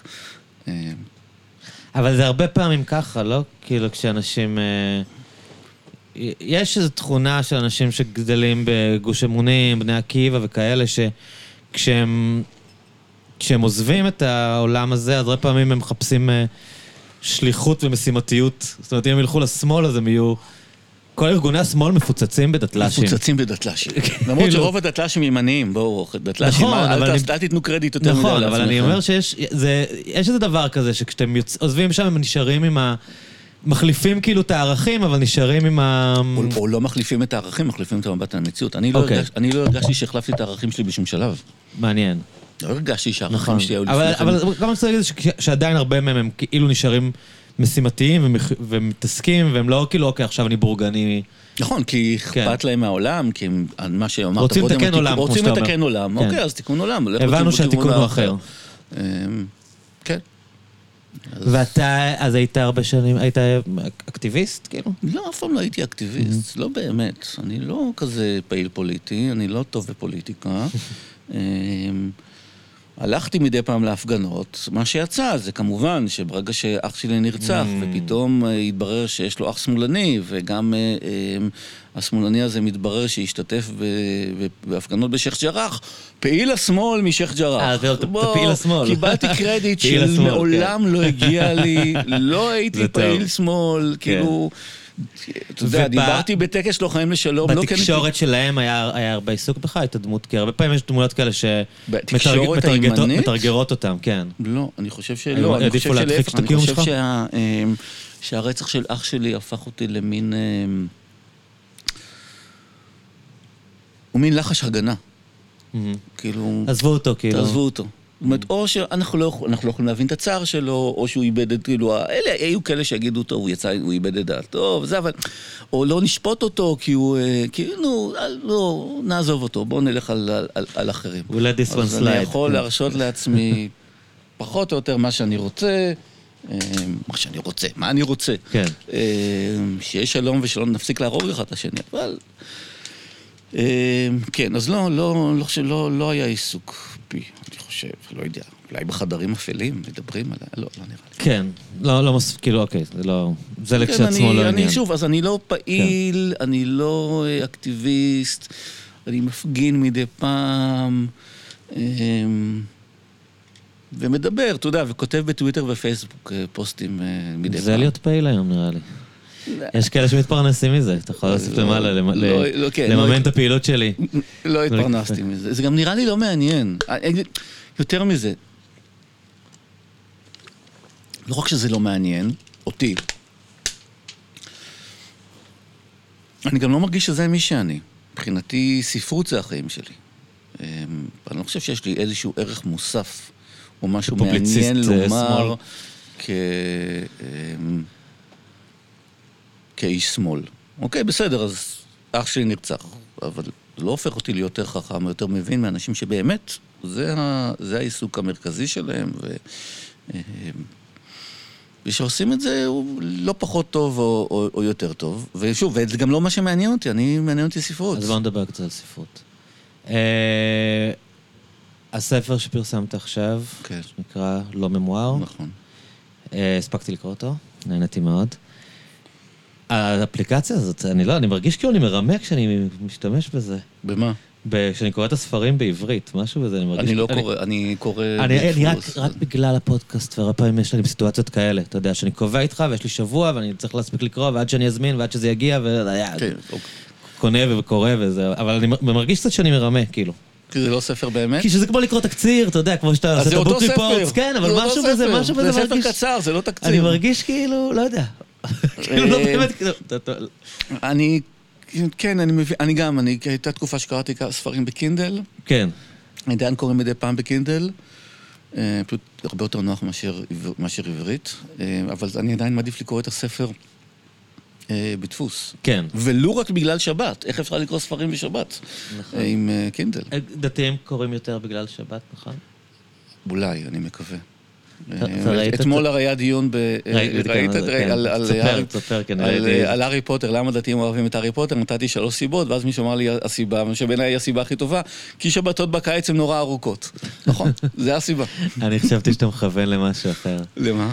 היה איזה, זה- אני לא בדיוק יודע. אה, בחור שאומר כן, שחילונים כן, לא קוראים, לא- לא- מעולם לא- כן, לא קראו ספר. מ- טוב, זה באמת הזן ה... זה מאוד אה, חוזר למה שדיברנו מקודם. אני חושב- נגיד, זה דתל"ש שכתב, טוב, החילוני הממוצע מעולם לא קרא ספר. כן, אז אני חושב שחלק מהדתל"שים, אני לא רוצה להכליל כאן, אבל זה באמת האנשים שלקחו מהדת רק את הדברים הרעים ביותר, את ההתנשאות, את הלאומיות הקיצונית, וזרקו את החלקים הטובים ש, ש, שבדת, שיכולים להיות בה, אה, ועכשיו הם דתל"שים.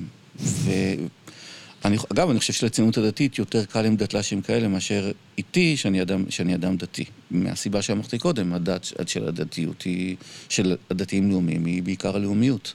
אה, בסדר, אז הוא לא מקיים מצוות, לא נורא, אבל הוא אוהב את ארץ, הוא אוהב את עם ישראל. הוא נשאר במשימה, הוא חלק מהמשימה. הוא חלק מהמשימה. הוא עדיין יודע, הוא עדיין יודע מי, ה- מי, ה- מי הנכונים ומי האמיתיים ומי הצודקים. אז אה, בסדר, אז הוא לא יש מקיים לו, מצוות. נורא. להגיד, יש לו בהירות מוסרית. יש לו נכון? בהירות מוסרית. איך מתרגמים את כל האמריקאיות הזאת לעברית כל בהירות מוסרית. הזמן? איזה משפט נורא זה בהירות מוסרית. Moral clarity. כן, אם המוסר שלך בהיר עד כדי כך, הוא לא מוסר טוב כל כך. אה, אם אתה תמיד יודע מה נכון. הספר הוא בעצם, אה, אחרי יותר מעשור אתה אה, מתעסק ב... איך אתה אומר? רצח? הטרגדיה? איך אתה אומר? ה, המה, אתה אומר בדרך כלל? לא. הרצח נניח? אבל אתה יודע, אתה חופשי. לא, כי תמיד אומרים, אתה יודע, האסון. האסון, האסון-. האסון זה מילה, נניח, האסון, אוקיי. האסון, הרצח, הטרגדיה. אתה עוסק בזה בצורה מאוד מעניינת כמבקר ספרות, אתה מתעסק בקונספטים, או רעי- לא יודע איך לקרוא לזה, מושגים. אה, דרך עיסוק בטקסטים ורפרנסים לטקסטים, ו... אה, קצת, אני לא מבין בזה כלום, אבל יש אפילו מישהו, פעם פגשתי מישהו שאמר לי שהוא לומד אה, ביפלותרפיה. אני לא יודע, אני לא יודע אם, אם מה שאתה עשית גם הרגשת שזה, יש בזה אלמנט תרפיוטי. אבל אה, יש עולם כזה, נכון? שהם, אה, יש עולם כזה, אני לא מכיר אותו. אני לא, אני... אבל תסביר את, ה, את, את זה שאתה לא פשוט כותב את הדברים, אלא עושה את זה אפרופו טקסטים. אה, אוקיי, מ- קודם כל נתחיל מהסיבה הפשוטה, הסיפור עצמו של ההיסטוריה האישית שלי הוא משעמם אותי. מהמם. אתה מכיר אותו. אני מכיר אותו, לכאורה, נניח שאני מכיר אותו. זה דבר אחד. אה, דבר שני, שאני... אני מילדות אה, ברחתי לספרים. מצאתי את עצמי בספרים, ודווקא ספרות אה, זרה, כמה שיותר רחוק, Mhm. יותר, יותר טוב. אה, ויותר מעניין. למה לי לקרוא על עצמי, או על דברים שאני מכיר? כאמור, לא כן. מעניין. אה, ובמשך כמה שנים גם ניסיתי לכתוב בעצמי, ולא כל כך הצלחתי, או לא הצלחתי מספיק טוב. ואז אה, עלה לי רעיון שאני, אה, לא בדיוק עלה לי רעיון, יותר נכון זה התחיל מזה שנבית בראל, שעורכת את, אה, את הליקון, כתב העת הליקון, הציעה לי לכתוב מסע. כתבתי מסע אחת שבכלל לא קשורה, ש... על ז'ורג' פרק, שאני מאוד אוהב אותו. ואז, אמרה, אוקיי, והמסע הבאה, ואז כתבתי את מה שהוא בעצם המסע הראשונה בספר, שזה על זמן. זה פרשנות לתפיסות שונות של זמן, אה, מה שעולה מתוך פונס הזכרן של, אה, ברוך של בורכס.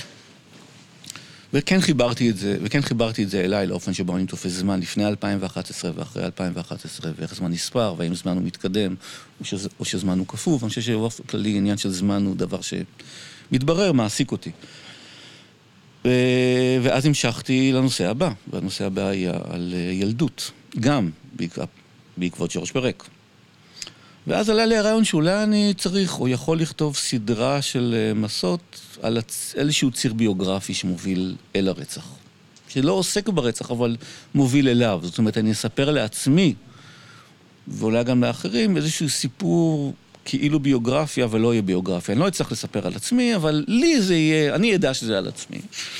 אה, והתכנון הראשוני היה לסיים את זה, ושאולי אמרתי, "טוב, אולי אני גם מוציא את ספר כזה, אצל בית סוהר ספר, ונעמית אמרה, כן, נו, תלך, לך על זה.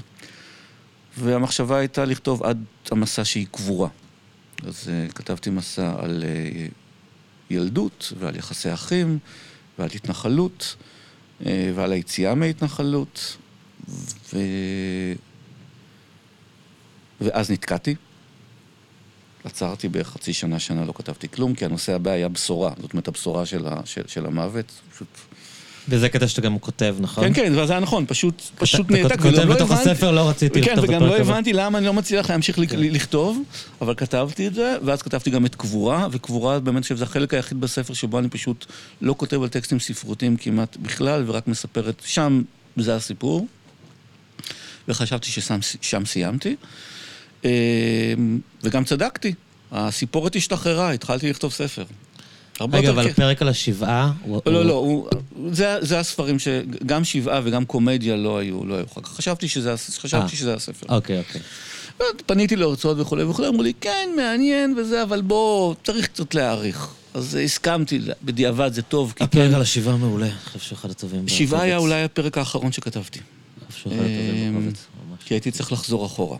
אמ, גם אליו, אז קודם כל חזרתי אחורה לפרק שנקרא קומדיה, אבל בעצם הוא פרק שהוא בין, ה, בין הבשורה ובין הקבורה, והוא פרק על תלמוד, אמ, כקומדיה. כן. אני חושב שזה הפרק שאני הכי אוהב. אמ, ואז המשכתי לכתוב את, אה, את אה, קורבנות ואת נקמה ואת נחמה, וחזרתי לכתוב גם את שבעה, כי הרגשתי שמשהו חסר בתוך התבנית הכללית של הספר. אז זה מה שיצא. זאת אומרת, זה כאילו יצא, אמ, ואמרתי, אוקיי, נשארתי את זה מאחורה. אבל אז אנשים מחזירים אותי, אומרים, בוא תדבר על הספר שלך. בוא, אני רוצה אבל לכתוב ספרים אחרים, אני לא רוצה להיות איש השכול. אה, אבל כן, אני כותב אה, את... חלק מהמאבק הפנימי שלי בתוך הכתיבה של הספר היה כן להכניס את, ה, את הדברים האישיים, כי זה לא משהו שאני רוצה לעשות או מגיע מרצוני, ואני אומר, אוקיי, אפשר, אפשר לוותר על זה, אני יודע מה אני, אולי אני יודע מה אני מרגיש, כן, אבל אולי בכל זאת תספר.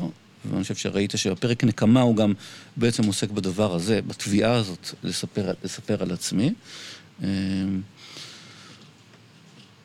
אבל לי זה קודם כל מה שאפשר, מה שאפשר, או המהלך שעשיתי כלפי עצמי, הוא באמת לקרוא יצירות ספרות במחשבה, במחשבה עליי, או במחשבה על נושאים ש, שמעסיקים אותי, ולחפש את השרידים, או את הדברים שנוגעים בי בתוך היצירות, בתוך, בתוך היצירות האלה.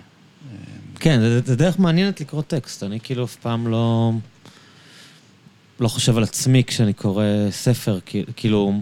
זאת אומרת, אתה באופן מודע חזרת נגיד ליצירות שאתה מכיר, כשיש לך רעיונות מסוימים ואתה מנסה למצוא אותם בתוך הטקסט? לא, האמת היא שאפילו... איך היה הדיאלוג לא, הזה בינך לא, לבין... זה היה, זה היה... אה, אין לי רעיונות מסוימים, אני קורא את זה ואומר, וואלה, נניח... אה, אה, זה מה שספר בראשית ואדגר אלן פה אומר על, אה, אומר על אחים. אוקיי. אוקיי, זה על אחים, אני אפילו לא מתחייב שזה היחסים ביני ובין אחי, לא, הם אף פעם לא היו קיצוניים, קיצוניים כאלה. בלב, מה ששחרר אותי היה שלא הייתי צריך לחשוב על עצמי כשכתבתי. כן, אבל מה שמעניין שהפרשנות היא כבר בעצם המחשבות שלך. אבל הפרשנות היא כבר המחשבות שלי, וכיוון כן. שאני... אתה אני, כאילו זה- מפרש, אבל אתה מפרש, אתה יודע, סיפור כמו קין והבל, הרי זה הוא כל כך ארכיטיפי, אתה יכול לפרש אותו בכל דרך שאתה רוצה כמעט. כן. ואז ברגע שאתה אומר, לא, אני בסך הכל מתאר מה שקראתי בבראשית, אני כן, אני רק ברור מספר שזה אתה, סיפור. כאילו, כן. אבל זה לא אני, כי אני לא רצחתי כן. את אחי, ואני גם, והיחסים בינינו אף פעם לא היו יחסי עוינות כל כך, כל כך קיצוניים. אז אה, נניח שבפרק הוא באמת התלבטתי עד כמה אנשים יחשבו, מה זה, אלו היו היחסים בינך ובין אודי? לא, אלה לא היו יחסים ביני ובין אודי. אה, תראה, גם במהלך הספר, אה, אני מרגיש שהלכתי והתקרבתי יותר ויותר לאישי. זאת אומרת, שממסע למסע העזתי יותר לקשר את הנושאים באמת למה שאני חושב, למה שאני מרגיש, ולהיות מחויב יותר ל, אמ, למקום שלי בתוך, בתוך הדבר הזה. זאת אומרת, כשאני כותב על נקמה, אני לא כותב על הנושא הכללי של נקמה, אלא אני כותב על המחשבות שלי על, שלי על נקמה. טוב, עשינו איזו הפסקה, עברנו לערק, בסדר, מותר להגיד? מקפה. אה, ובהפסקה אה, מוטי סיפר לי על אה, וודקה חזרת שמוכרים בבסרביה בירושלים, וכל מיני... כן. התגלגלה. אוקיי, אז מה דיברנו? דיברנו בהפסקה על זה, סיפרת לי ש... שיש השקה של הספר בחיפה.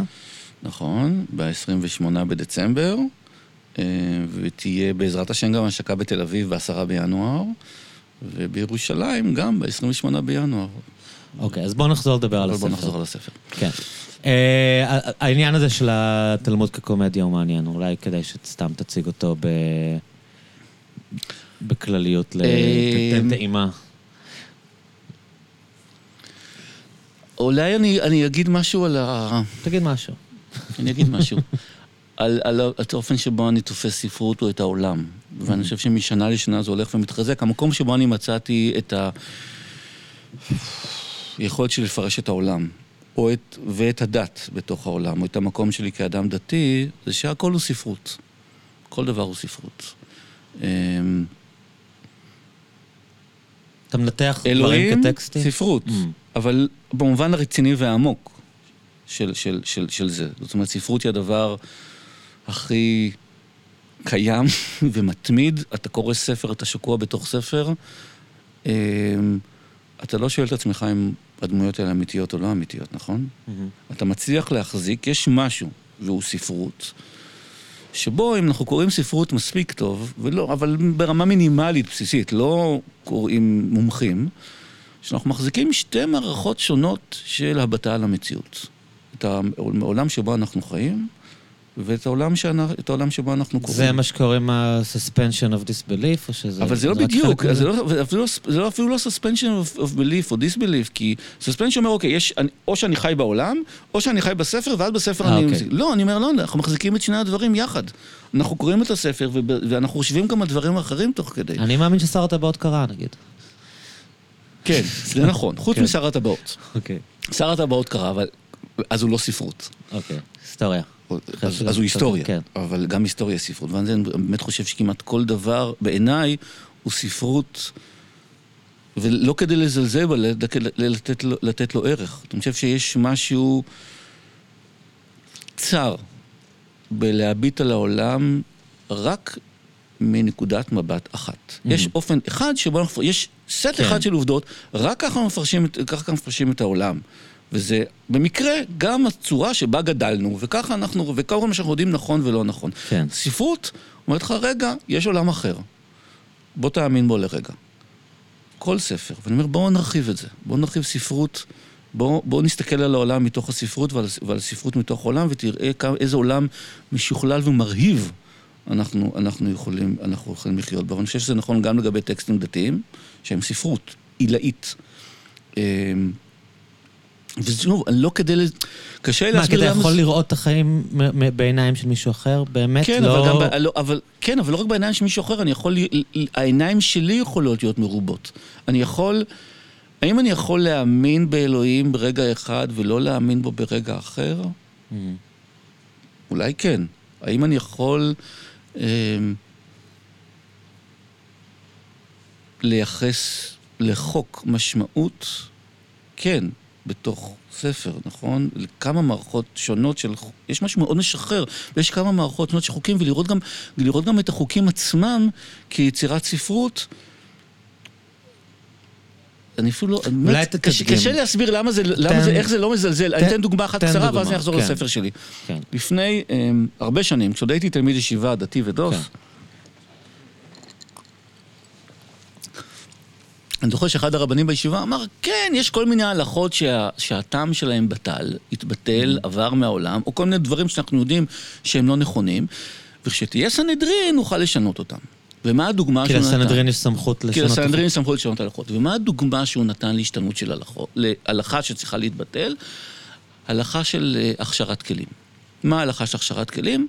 כבולעו כן פולטו. מה זה כבולעו כן פולטו? לפי התפיסה המקובלת, או האופן הפורמלי שבו שבה הוא, שבה הוא הציג את זה, שבו הוא הציג את זה, כשאתה מבשל משהו טרף בכלי, אז המולקולות של המזון נבלעות בפנים, וכדי להוציא אותם אתה צריך להביא את, ה, את, ה, את הכלי לאותה טמפרטורה כדי שהם יוכלו לצאת החוצה, אוקיי? זה, זה התפיסה. זאת אומרת, אם בישלת משהו, אה, בישלת משהו טרף, אז אתה צריך שוב לבשל את הכלי במים אה, עם סבון כדי שזה יצא. והוא אמר, זה לא נכון. עובדתית, פיזיקלית, אנחנו יודעים שזה לא נכון, המולקולות של המזון לא נכנסות לתוך, ה, לתוך המתכת. ואני זוכר שכבר אז הקשבתי לזה, אמרתי, אבל הוא צועה. כי זה לא כלל אה, פיזיקלי, זה כלל אסתטי. כבולעו כן פולטו, זה פשוט נורא יפה. אתה עשית משהו אמ, באופן אחד, ואתה צריך לאזן כן. את זה. יש כאן, יש כאן איזשהו איזון אסתטי. זה הכל, זה אסתטיקה. אמ, ואם זה אסתטיקה, אני לא נכנס עכשיו לשאלה של זה באמת קרה או לא, או לא באמת קרה. זה נכון בתוך המערכת שיצרנו לעצמנו. עכשיו, כן, מה אתה פתאום מביא לי מולקולות? מה אתה כאילו? מביא לי מולקולות? כן, מה- מה... מה- מאיפה הבאת לי מולקולות מה, עכשיו? אנחנו בתוך מערכת דתית. אני קושר לעצמי זה לא- דברים על הראש עם קלפים וזה, מה אתה חושב? בדיוק, כן. כן. האם אתה חושב שמזוזה באמת כן. מגינה על הבית? לא. אבל תראה איזה יופי זה. אבל תראה כן. איזה יופי זה כן. לקחת כן, מגיס זה ספר. סמלים. זה סמלים. נכון. כן, זה תשובה מוזרה שהוא נתן. ה- אבל, אבל זאת התפיסה הרווחת בעולם הדתי, פחות או יותר. Mm-hmm. שהדברים אומרת, נכונים שהדברים נכונים, פיזיקלית? ואם הם לא נכונים, אנחנו צריכים לשנות אותם, כי זה לא באמת תואם את המציאות. לא, אנחנו חיים בתוך מערכת... כי הדת היא מדע מבחינתם? כי הדת אמורה להיות נניח מדע. מדע או לא מדע, אבל אני אומר, אבל לא, תראו, אנחנו חיים, בעיניי הכוח של הדת הוא לחיות כל הזמן בתוך עולם אסתטי. אבל אורתודוקסים מודרניים לא מסתכלים על זה כבר ככה, נכון? אני לא חושב שמסתכלים על זה ככה. כל מיני רבי זקס וזה, לא- יש להם אני לא הבנה חושב, כאילו... אני חושב שכן, מחליפים את זה במערכת מוסרית או כן. אתית. אני אני רוצה, תראה, למשל, כשמדברים על כל מיני דברים ש... אה, אה, שד- מוזרים שדתיים עושים. אוקיי, אז אומרים, כן, השולחן ערוך אומר לכם איך לקשור את הנעליים. נכון, אוהבים לנגב את התחת. באיזה. סדר ואיך כן. זה. ואני אומר, כן, אבל תראו איזה יופי. תראו איזה יופי זה שיש לי איזשהו סדר כן. לאיך שאני... זה לא חשוב בשום אופן, זה פשוט רובד אסתטי שנוסף על המציאות. ואני יכול להקפיד עליו, אני יכול לא להקפיד עליו, אבל הוא נותן לי בחיי היומיום... יש משהו מעניין בתפיסה שהכל חשוב. כאילו, זה משהו שאני... שאני הכ- כאילו... הכל יכול, הכל שהכל- יכול להיות הכל חשוב, יכול להיות הכל חשוב, יכול להיות חשוב. כאילו. עכשיו, בתוך ה... אני אלך עכשיו לספר של התלמוד כקומדיה. כן. התלמוד הוא ספר חוקים מוזר. הוא לא ספר חוקים, הוא שיחה מתמשכת. Mm. ואני לא חושב שהחוקים מעניינים אותם במיוחד. אני חושב שמה שמעניין אותם זה לדבר. אמ, כן, ושהס- פודקאסטים. ושהשפה, כן, ממש, ושהשפה מעסיקה אותם, אמ, ושהם ממש מצחיקים. זאת אומרת, אני קורא חלקים בגמרא ואני צוחק. יש הרבה סטלבטים כאלה. אבל לא נכון? רק סטלבטים, יש דברים שנראים דיונים רציניים, אבל בעיניי הם לא דיונים רציניים, אלא, Mm. אלא הומור, הומור שחור, הומור אפל, אוקיי, אז ממש. תדגים לנו. אמ, מה אני אתחיל? אני אתחיל במשנה הראשונה, במסכת ברכות. אמ, מתי קוראים את שמע בערבית? משעה שהכהנים נכנסים לאכול בתרומתן. אז מה, מתי צריך לקרוא את קריאת שמע? אמ, כשהכהן נכנס לאכול תרומה בערב. קודם כל זה מוזר הדבר הזה, כי מאיפה אנחנו יודעים שצריך לקרוא קריאת שמע, ו... אבל אני- בואו נחשוב על זה בתור אה, אה, סיפור. אתה בא אליי ושואל אותי, תגיד לי מוטי, מת... הבנתי, אני עכשיו החלטתי להתחזק, שכנעת אותי, מתי אני צריך להגיד קריאת שמע? אני אגיד לך, תשמע, מה שאתה צריך לעשות זה לצאת החוצה, תחפש כהן, תעקוב אחריו, כשהוא מתחיל לאכול את התרומה שלו, אז תגיד קריאת שמע. מאיפה אני לך כהן עכשיו? זה- זה- זה- לא, אבל זה כן, מצחיק. כן. ו- זה כמעט, השאל- אה, זה. אבסורדי, כאילו. זה אבסורדי, והשאלה שאתה אמור לשאול היא, ולמה הכהן לא אומר קריאת שמע? למה הוא אוכל בזמן שאני למה הוא קורא? אוכל בזמן שאני קורא קריאת שמע? הוא עוד כהן, הוא כאילו. עוד כהן? זו השאלה שהיא לא מופיעה שם. כן. עכשיו, הגמרא ממשיכה את הדבר הזה, והיא אומרת, אה, אה, שואלת, למה, למה המשנה אומרת את זה בצורה כזאת?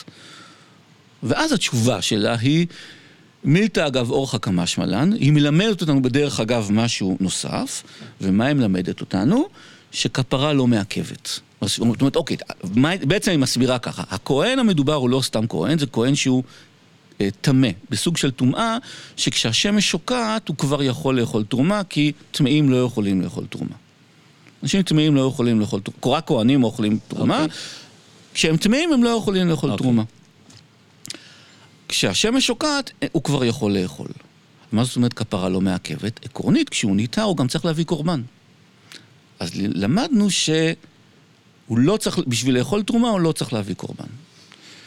עכשיו, אבל בוא נחזור לסיטואציה הזאת, למה הוא לא צריך להקריב קורבן? כי אין בית מקדש, הוא לא יכול להקריב קורבן. אז אז- יש לנו כאן חוסר. עכשיו בואו נראה את הסיטואציה. הכהן יושב בבית שלו, הוא, הוא היה טמא, עכשיו הוא נטהר, הוא לא יכול להקריב קורבן. משהו חסר לנו כדי שהעולם הזה יהיה שלם. את הכהן זה לא מעניין, הוא ימשיך לאכול. אלה כהנים, כל מה שמעניין אותם זה לאכול את התרומות שלהם. אבל אתה תגיד קריאת שמע. אז קריאת שמע היא כאילו התחליף ל... למה שהכהן היה אמור לעשות, שזה להקריב קורבן, אבל ברור שזה תחליף חסר. זאת אומרת, כל התפיסה הזאת שהגמרא מחליפה את, ה, את הקורבנות, ההלכה מחליפה את הקורבנות. היא מחליפה את הקורבנות, אבל היא לא מחליפה את הקורבנות, היא מחליפה את הקורבנות תוך כדי מודעות מתמדת לזה שזו אז רק מה, מתארים לך מין סיטואציה מאוד בנאלית ולא קדושה כזאת של כאילו... בנאלית ולא קדושה שבתוכו, שבתוכה החסר נמצא. החוסר, החוסר מופיע שם. שתבין כמה החיים שלנו הם כאילו... החיים שלנו בלי מנדיין ולא קדושים. הם אה, לא קדושים, אין לנו מקדש, אין לנו קורבנות, וכל מה שיש לנו לעשות זה, כל מה שיש לנו זה כהן שמן שבא אלינו הביתה ו... כן, ואוכל את, כן. את התרומה שלו, ואנחנו נמשיך, נמשיך לדבר. אז הם העבירו את, ה... את הדת לשפה, אבל הם מבינים עד כמה, הם מראים לנו כל הזמן עד כמה השפה הזאת היא חסרה. יש פה אירוניה, כאילו. יש פה אירוניה, אבל זה לא כן. אירוניה של להביט מבחוץ ולצחוק על זה, זה אירוניה, אירוניה אבלה. זה אירוניה שמנכיחה Mm. כל הזמן את החוסר. והם כל הזמן מדברים. זאת אומרת, הדבר הכי גרוע שיכול להיות בגמרא זה כשהם מגיעים לפתרון. הם ממש, אפשר, אפשר ממש לשמוע את האכזבה שלהם, הם שואלים שאלה, ואז מישהו מביא תשובה, ואפשר לשמוע את הנחת, אוף, הרס, הרס לנו את השיחה, כי כל מה שאנחנו רוצים זה להמציא המצ, המצאות מופרכות לגמרי, ולזרוק השערות, וללכת עם האסוציאציות שלנו. ספרות. זאת אומרת, כל מי שרוצה, אוקיי, אז, אבל מי אז הרוצח? איך, איך אתה מבין את זה ברמה... אם, אם אתה מסוגל לאמץ כאילו פר- פרספקטיבה חיצונית על כל העניין הזה, שיושבים פשוט חבורה של אנשים בעיראק במאה, מה זה? שלישית, רביעית, כן. מתי שהם ישבו, והדבר הזה הופך להיות הדבר הכי קדוש בעולם לאנ- לאנשים אלפיים שנה, כי זה, 1500 כי זה, שנה כי אחרי. זה באמת, קודם כל כי זה באמת התחליף. זה באמת התחליף. זאת אומרת, אז יש על, אנשים... על, על, על, על לדבר ולקשקש זה התחליף ל- זה אנשים ש-? זה מה שאנחנו עושים. זאת אומרת, זה לא נראה לי כל כך מוזר, כי אני, בקדושה. בתור מישהו שמעדיף לחיות בספרים ממילא, אני אומר, נו, ברור, הם עשו את זה, הם עשו את זה לפניי. זאת אומרת, אנחנו חיים במציאות, ואנחנו חיים בספרים, ואנחנו, זה מה שמעניין אותנו, זה לדבר על ה... כן, זה אולי תחליף קצת, אתה יודע. אנשים, אנשים מעשיים יגידו, מה? זה, מה זה הדבר הזה? אבל אני לא אדם מעשי. אני אוהב ספרים. זאת אומרת, יש בזה באמת קודש, זה מה שאתה אומר. בקריאה הזאת מבחינתך, אני חושב יש ש... משהו, אם אני מנסה להבין, יש משהו קדוש בזה שהם... בלהתעסק בדברים האלה ולא ב... אני, אני, לא יודע, אני לא יודע אם זה קדוש, אני חושב שבעיניי, לי חיים שהם, הם חיים, אני מוצא משמעות בחיים שהם נעים בין ספרות ובין, ובין, ובין החיים. זאת אומרת, אני קורא ספר וחוזר לחיים, ומסתכל על החיים וחוזר, וחוזר לספרות. אני קורא לי משהו, ב, ב, קורא לי משהו אה, אה, בחיים, ואני אומר, כן, זה כמו שקרה בספר, הוא ככה וככה. כמו הביו, אני חושב שהבעיה שלי עדיין בטוויטר זה, זה כמו הפרק הזה בהחיים הוראות שימוש. Mm-hmm. כי כל דבר נמצא בהחיים, בהחיים הוראות שימוש. כל דבר, תקראו את הספר. לא יודע, זה לא, אפילו לא עניין של קדושה, כמו עניין של משמעות. תשמע, אבל זה דבר די מופ... בואו נחשוב רגע על זה, אנשים אומרים איזה שטויות, אבל תראו כמה זה מופרע ומדהים. חברה שלמה שחיה בספר. זה פשוט נפלא. ובאותו ספר, בזמנים שונים, בזמנים, במקומות שונים. והם מפרשים את זה שוב ושוב, וכל מיני כיוונים, וזה, והפרשנות הולכת ומתרבה אבל ומשתנה. מה שמעניין שזה ספר שעוסק בדברים כל כך יומיומיים, זה מה שמוזר לי. כי המקרא, אז זה ארכיטיפים, Mhm. וזה, אתה יודע, וזה דברים גדולים, והשאלות הגדולות של העולם, ואתה יודע, אני מבין קין והבל, כאילו, למה, אתה יודע, למה שאנשים יתעסקו בזה בלי סוף, או בעקדת יצחק. זה- אלה דברים, אתה יודע, כל כך מיתיים וארכיטיפיים שאני מבין, אבל להתעסק כל כך הרבה אה, בהתפלפלויות האלה, שאתה יודע, ב- ב- באנשים מתווכחים על סוגיות משפטיות אה, של משפט אזרחי, כאילו, זה... אני לא יכול להס... כאילו... צריך להיות שם כדי להבין, כנראה. אבל... אה, תראה, אני לא השתמשתי במילה קדושה, כי זה לא עניין של קדושה, זה כן. פשוט נראה לי כמו משהו של, טוב, אתם צריכים להיות כדי להבין, אבל לך תסביר למישהו למה ספרות היא כל כך חשובה בלי לקרוא ספרות באמת. ובעיניי גם, שוב, זה לא חייב, זה לא חייבת... אני אומר לך, מה שהתלמוד כן מאפשר, בשונה מ- מספרות אחרת, זה שהוא נותן בסיס לדיון משותף על יצירות, יצירת הספרות הזאת. זאת אומרת, אנחנו יכולים עכשיו להתכנס ולדבר על, על החיים הוראות שימוש. וראוי שנדבר על החיים הוראות שימוש, או על בעקבות הזמן, או על בעקבות הזמן האבוד, או על שר הטבעות, נניח. אמ, אבל מה מכונן את סדר השיח שלנו? מה מאפשר לנו להמשיך ולדבר על זה, ועוד פעם לדבר, ועוד פעם, ועוד לדבר, בלי להרגיש שמיצינו את זה. ורעיונות, עם כל הכבוד לרעיונות, הם, הם, הם, הם דבר די דל להמשיך איתו. אתה צריך את ה... ספרות צריכה את הקונקרטי. היא צריכה את הפרטים. אה, בעק- בעקבות, לא סתם הזכרת בעקבות הזמן האבוד ואת, ואת, ואת, אמ, ואת החיים הוראות שימוש, כאילו, אלו שני ספרים שממש נכנסים לעומק של, פר, של, עומק של פרטים. במקרה של החיים הוראות שימוש, אלו פרטים פיזיים וקונקרטיים, במקרה שבעקבות הזמן האבוד, אלו פרטים רגשיים. באמת, הסבלנות שיש לו להעמיק בעוד פרט ועוד פרט בכל תנודות הנפש, היא, מדהימה. והיא תופסת בזכות זה שזה לא, יש לי רעיון. אמ, רעיונות יש עשר בשקל, עשרה בשקל, זה... רעיונות זה לא חשוב, באמת, זה כן חשוב, אנחנו מגיעים לרעיונות, אבל הבסיס שלהם הוא, ה... הוא הקונקרטי והוא גם מה שמאפשר לנו לנוע מתוך הרעיונות חזרה אל העולם. באמת, ל- לראות את החפץ ולייחס משמעות לחפצים ממש, ולראות את החיים שלנו בתור תנועה של חפצים, או ביחס לחפצים, או, או, או, או, לאנשים אחרים. אמ, אז הייתי, הלוואי שהייתי יכול ללמוד, הייתי, היה לי, אני לא לומד מספיק גמרא כמו שהייתי רוצה לרצות. אני יותר מדי עברתי לספרות אחרת, אבל זה באמת עולם אינסופי. אתה צודק שאני חושב שבאיזשהו שלב, ה- אמ, קודם כל, אני לא בטוח עד כמה הראייה הזאת היא ראייה משותפת לי ולאנשים שכתבו את זה. יכול להיות שיגידו, תשמע, בן אדם... היינו רציניים מדבר- אתה לחלוטין. מדבר שטויות, אין לנו מושג על אנחנו מה אתה היינו רוצה. רציניים לגבי הכהן הזה? אתה, מה, איך אתה יכול להגיד רציניים שצחקנו? לגמרי, ובטח. ככל שהשנים עברו זה נעשה, יותר ויותר משפטי ויותר ויותר מגביל. ופורמלי. כן. אמ, אני, אותי מעניין העניין של הניתוחים האינסופיים של הטקסטים, והפרשנות ועניין מהמם. המשמעות. כאילו, בהסתכלות צינית חילונית, כאילו, מהמם. מה שאותי מעניין, נגיד, בפרשנות המקרא, שמלא פעמים יש דברים שהם סתם נראים לי כאילו פגמים בטקסט, והמאמץ שמושקע, או המשמעויות שנותנים לפגם, כאילו.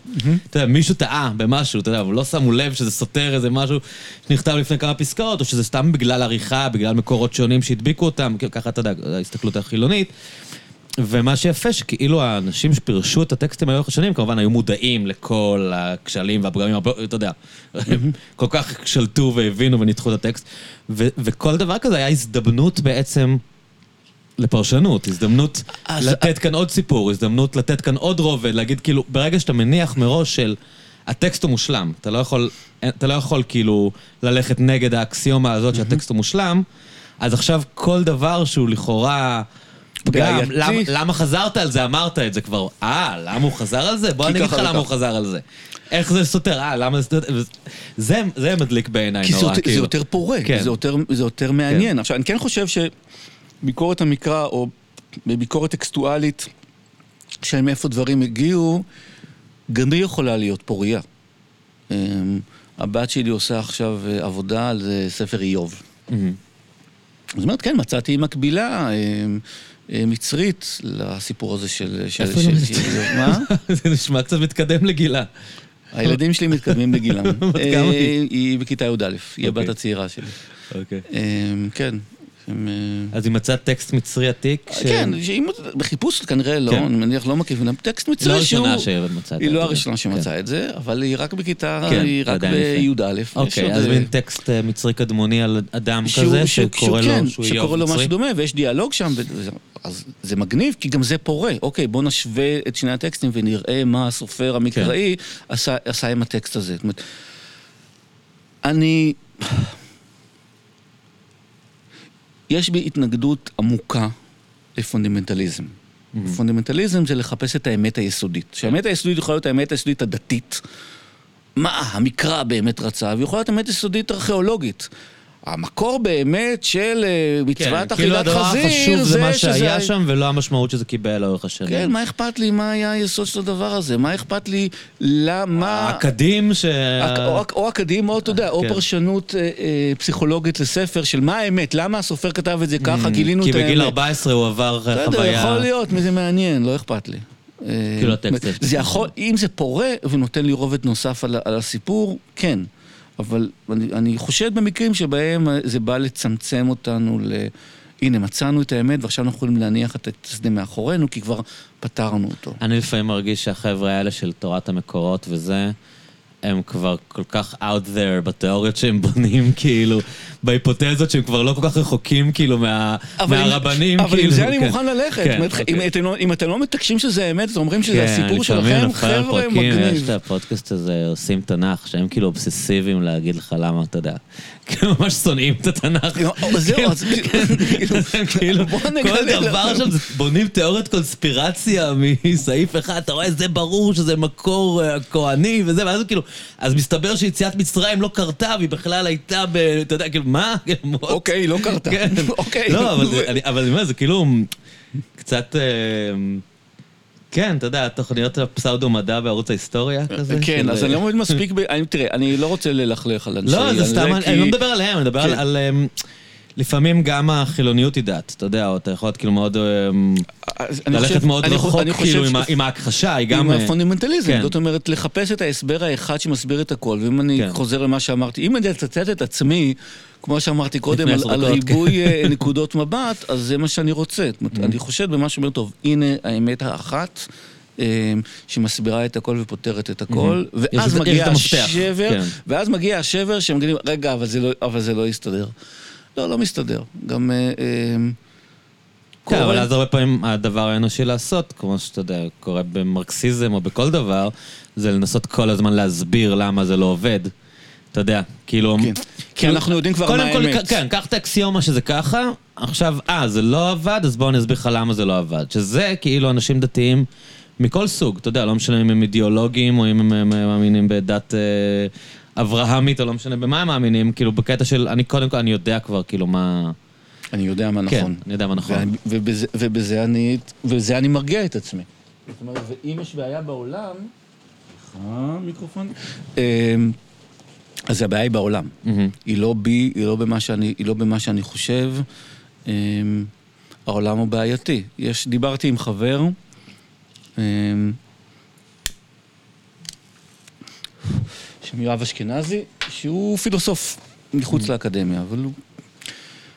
ודיברנו על אה, אה, תיאוריות קונספירציה, והנטייה שלי נטייה לתיאוריות קונספירציה, ו... אמ, הוא דיבר על ההסבר, הוא דיבר על ההסבר, ה- הוא הוא דיבר על ההסבר, הוא נתן איזשהו הסבר היסטורי, אם כותרות קונספירציה מגיעות מהשמאל או מגיעות מהימין, ואני חושב שיש בזה הבדל בין שמאל נניח מרקסיסטי, כמו שאתה מתאר, ל, אמ, לימין, ש... אמ, תיאוריות תיאוריות קונספירציה בעיניי נמצאות יותר בימין. זאת אומרת, Mhm. אוקיי, המציאות לא מסתדרת כמו שהיא צריכה להיות, אמ, כי מישהו אחר, רע, כן. עשה, תכנן את הם. זה, כי לא יכול להיות שהמציאות היא מקרית. אבל המקבילה של זה באמת זה התורה המרקסיסטית, זאת אומרת, אוקיי, זה לא אנחנו, יש מערכת שבנתה את, הד... יש מערכת שבנתה את, ה... את הדבר הזה, אומרת, כל יש גם הפעולות... די במרקסיזם, זה? התאגידים, זה כן, כן, האליטה. כן, אתה- כן, אבל, אבל כל הפעולות שלנו נשלטות על ידי... זאת אומרת, החשש, אני... החשש שלי הוא ממק... מ... מ... אמ, מאידיאולוגיות או מצורות מחשבה שמשחררות אותנו מה... מהאחריות האישית שלנו. מהמם. והאחריות האישית שלנו יכולה להשתחרר כי זה לא אנחנו, זה השמאל, זה זקני ציון, זה ה... אמ, ג'ורג' סורוס מארגן את הכל, או זה לא אנחנו, זה הקולוניאליזם העולמי, זה אי אפשר להאשים אף אחד, ויש צד אה, נקי וצד, אה, אה, אה, וצד אה, פסול או רע. זה לא עובד ככה, יש אחריות, יש אחריות מוסרית לכל אדם, בתוך התנאים שבהם כן, הוא יש נמצא. כוח, יש מישהו עם כוח אינסופי, שאתה בעצם זה חסר משמעות. אז או שזה מישהו עם כוח אינסופי, או שזה מערכת עם כוח כן, אינסופי. והמערכת עם כוח אינסופי, ולכן אני משוחרר עכשיו מ- מהחלט- מהחלט- מהחלטה... עשית את שלך בלהבין את זה, זה מספיק כבר כדי... נניח, אני חושב כן. שחלק מה, מהמבוכה כאילו זה כלפי מה שקורה, מה שקורה בעזה, אני חושב שחלק מהתגובה הדי מאכזבת של, אני לא אוהב, אתה יודע, הווק והשמאל העולמי, לא, בואו, בואו, של חוגים מסוימים בתוך צורות מחשבה מסוימות, נובעות מהמקום הזה של...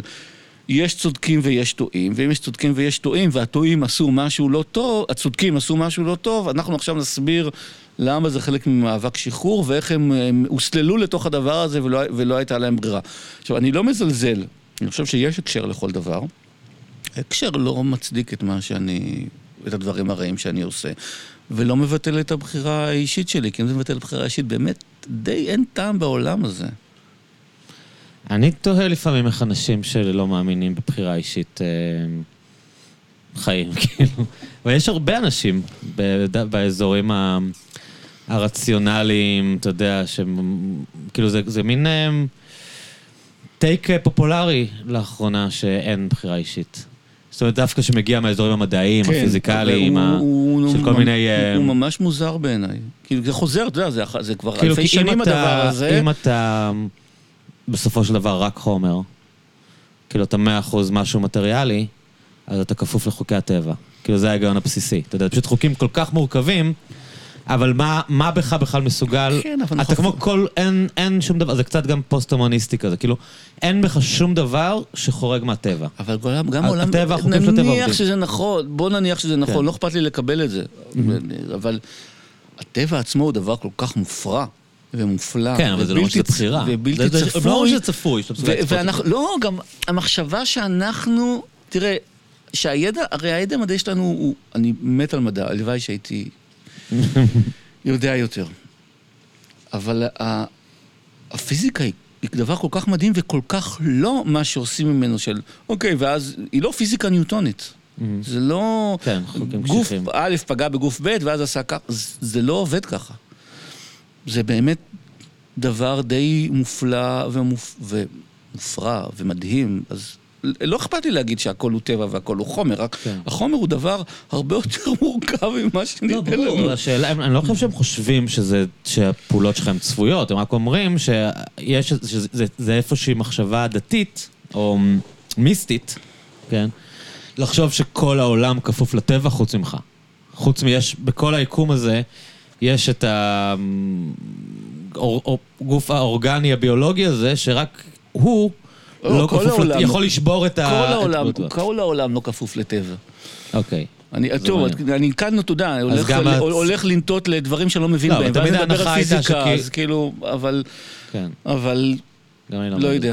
אני גם לא כלום. אני פשוט, אני חושש לקשקש, אני, אין אנחנו שום- נקשקש בטוח, סתם. לא, לא, אין לי כן. בעיה, אני חושד קצת כן. בעצמי, כי אני, אה, גם ככה, ועוד לפני הערק, אני ממש ממש טוב, ממש טוב, בלהסביר דברים. Mhm. זאת אומרת, בלמצוא הסברים וקשרים הסבריים. אה, ולכן אני חושד בהם. אני יכול עכשיו להסביר Mhm. למה בעצם, אבל זה, אבל אני לא מבין מספיק בפיזיקה, ואני חושש שמעט הפיזיקאים...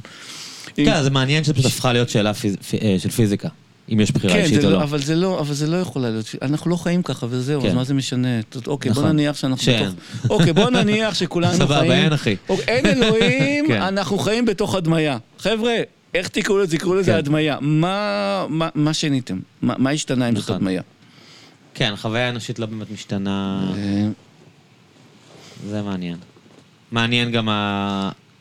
התפיסה הזאת של סימולציה שהיא כאילו מין, בעצם מין דת מודרנית. כאילו, היא מין ניסיון לתת איזה הסבר על למציאות. שלא באמת מסביר כן. שום דבר. אתה פשוט אומר, במקום אנשים אחרים, אתה יודע, חילונים אומרים, אני חילוני, אבל מאמין שיש משהו. אוקיי, בן אדם, אוקיי, יש משהו, אבל... עכשיו, אוקיי, זה לא סתם יש משהו, אנחנו בתוך הדמיה. יכול להיות שאנחנו בתוך הדמיה, ואז... ואז מה? ומה מה המסקנות שלך מזה, כאילו? המסקנות שלך מזה? אה, אתה רוצה להבין. מה? אתה יודע, אתה לא צריך, אנשים רוצים להבין מי הם ומה הם, אבל זה לא כאילו, באמת זה מבין, אבל זה לא-. לא נותן הבנה. שוב, זה הולך לפ... לש- ההסבר האחד שיפתור את הכל. לאנשים יש, אתה יודע, את המצב שאתה נבוך מול העולם, לכולם יש את זה, אני מניח לרוב האנשים בילדות שפתאום... embrace the מבוכה. אוקיי, זה, נכון, זה זה אקזיסטנציאליסטים? ה... לא או אקזיסטנציאליסטי, לאו זה? כאילו להגיד העולם... זה לא אין הסבר, יש כל כך הרבה הסברים טובים ויפים, בואו תחיו כל פעם לפי הסבר אחר. תחזיקו כמה הסברים ביחד. תקראו וירג'יניה וולף, תראו איזה יופי. יש נקודת מבט משתנה באמצע הספר, כאילו, שהדמות אחת הופכת לדמות אחרת ו... ולרא... ולראות בו זמנית כמה, כמה נקודות מבט, היא באמת מדהימה בדבר הזה. היא, היא... אני לא מוצא הסבר יותר טוב לחיים מאשר ספרות. הסבר, לא הסבר אחד, אלא יכולת לחיות בתוך החיים המשתנים האלה והמתסכלים והבלתי נסבלים לפעמים. אמ, על מה שאתה קורא ספרות זה סיפורים באופן כללי, מיתוסים, נגיד אצל... אה, בחברות פרימיטיביות, אז אה, מה... אני, תראה, אני מוצא את עצמי יותר, זה בס... אני, אני מוצא את עצמי יותר בספרות מודרנית, אה, בגלל שהיא ספרות יותר שבורה. זאת אומרת, אני... אה, אנשים, שומע אנשים, כן, הרומן מת, ועכשיו יש טלוויזיה. מהמם. תראו, לא. מה חסר אה, בטלוויזיה? מה? מה מה אתה לא מקבל בטלוויזיה שאתה לא, מקבל? אני מאוד מחבב טלוויזיה, אני חושב שיש סדרות טלוויזיה מצוינות, אבל אני חושב שטלוויזיה היא... אה, בזה שהיא בולעת אותנו לתוכה, עכשיו, סליחה, זה לא כל יצירות הטלוויזיה, לא כל יצירות הקולנוע, לא. אבל הסדרה הממוצעת מספרת לך סיפור אחד, שהוא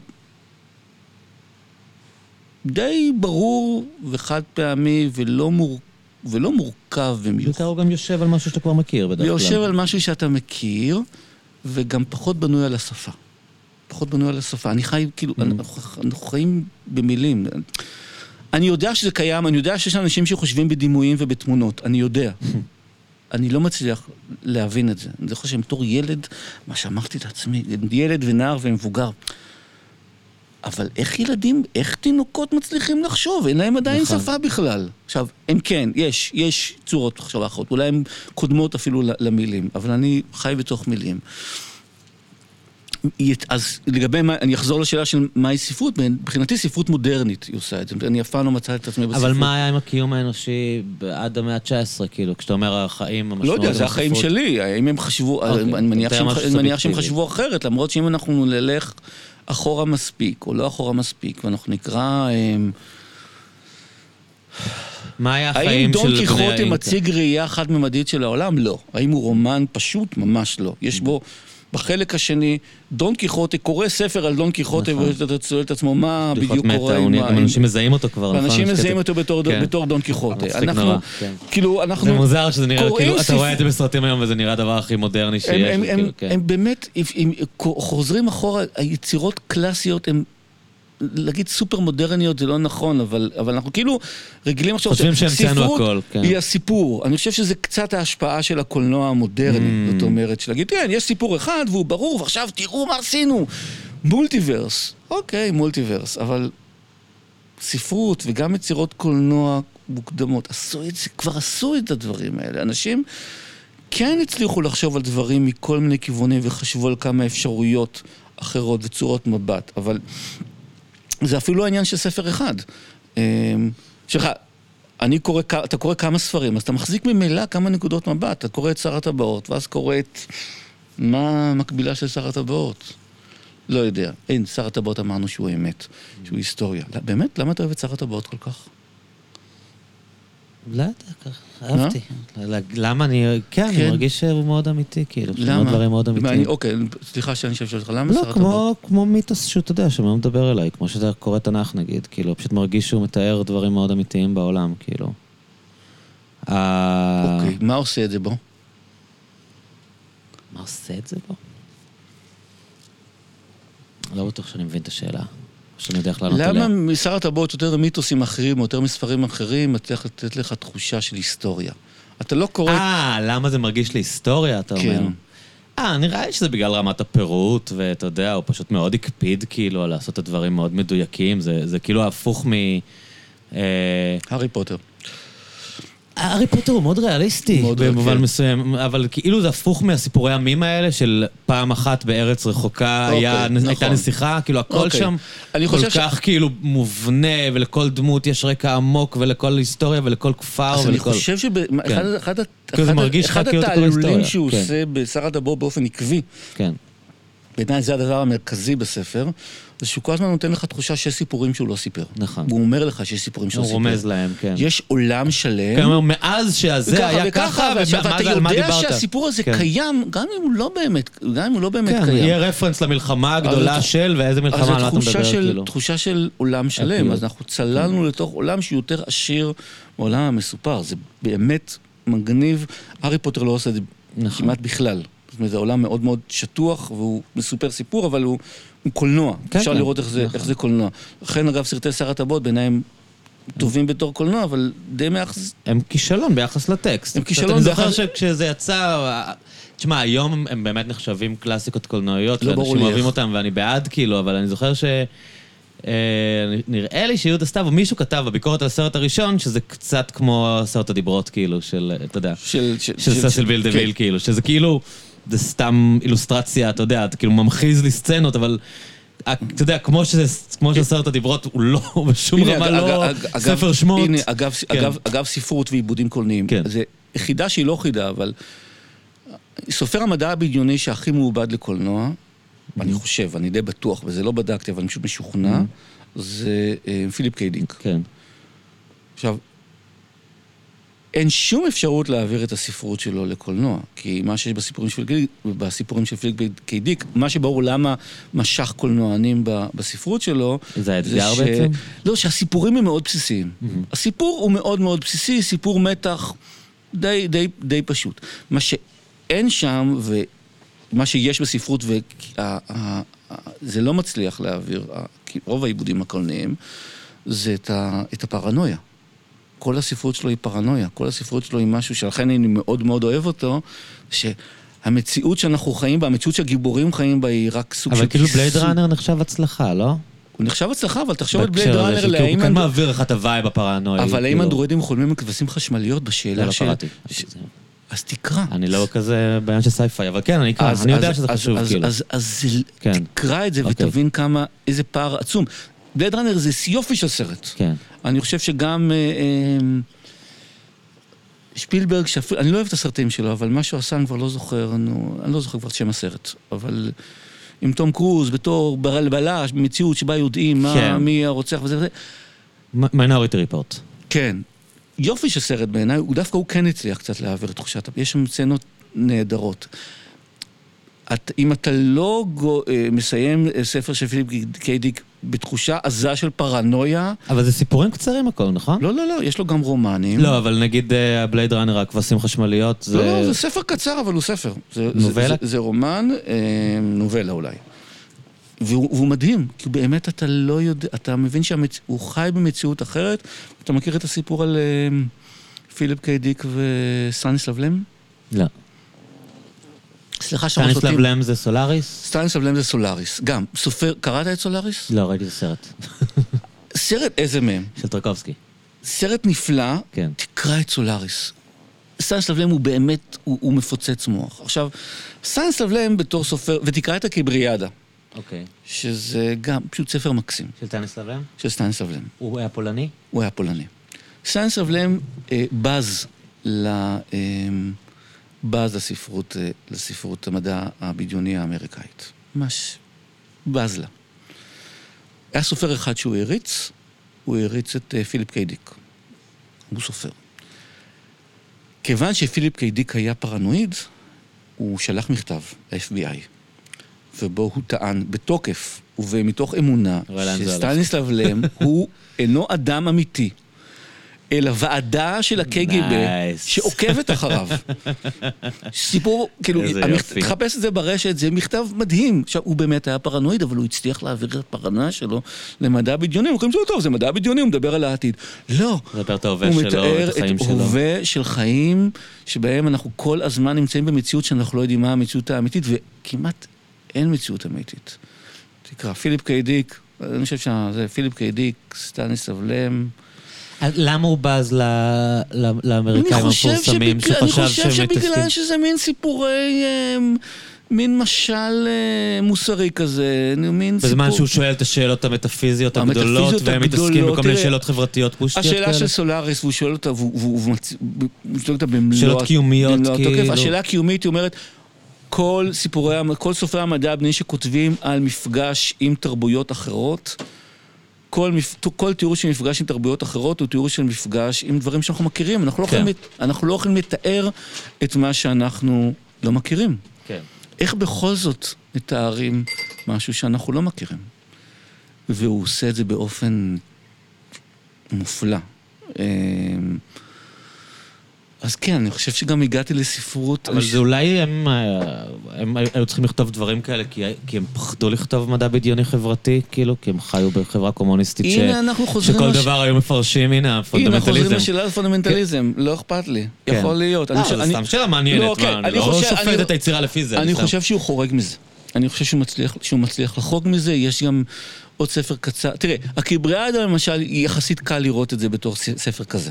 כי הקיבריאדה זה אגדות הרובוטים.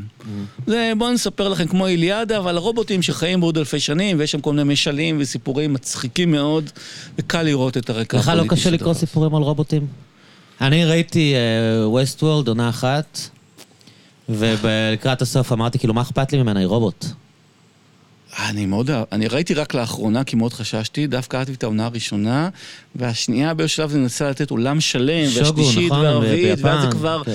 נמאסתי, אבל זה דווקא יפה. זאת אומרת, השאלה היא מה הופך אדם, מה הופך אדם לאנוש, כן. לא אכפת לי מרובוט, אבל מה אכפת, למה זאת אומרת מה אכפת לך מרובוט? יש לי רגשות, מה זה לא אכפת לך? זהו, זה העניין, שזה לא עובד עליי, לא מצליח, לא אכפת לי שיש לי רגשות, כן, אני עדיין רובוט. אני קצת, אה, אתה יודע, אוקיי. מאמין בעליונות אנושית. אז תחשוב על זה בתור אה, לא רובוט. אני נאצי של בני אדם, כאילו. תחשוב על זה בתור חיות, בעלי חיים. יותר אכפת לי. מרובוטים. אז... אז... יש היררכיה, אבל... אבל החיות הן מעל הרובוטים. אבל תחשוב איזה נס זה הדבר הזה. אוקיי, בואו נקח את זה לשאלה מטאפיזית. כאילו אם תגיד לי, הצלחתי ליצור אוקיי. תודעה, אז עדיין לא אכפת לי. אוקיי, אז בוא... אני לא יודע אם זה נכון אוקיי, מוסרית וזה, אני יודע שאני שואלים שאלות כאלה סביב ה-AI. אני אציע לך פתרון ושאלה, כן. בסדר?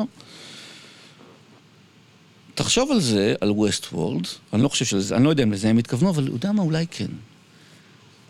יש את השאלה הקלאסית של אמ, אם אלוהים טוב, איך הוא נותן לדברים רעים לקרות mm-hmm. לנו? כן. עכשיו, תחשוב על זה שזה בעצם מה שאמרת הרגע על רובוטים. ומה זאת אומרת? אלוהים הוא לא גשמי, והוא אומר, מה אכפת לי מהם? יש היררכיה.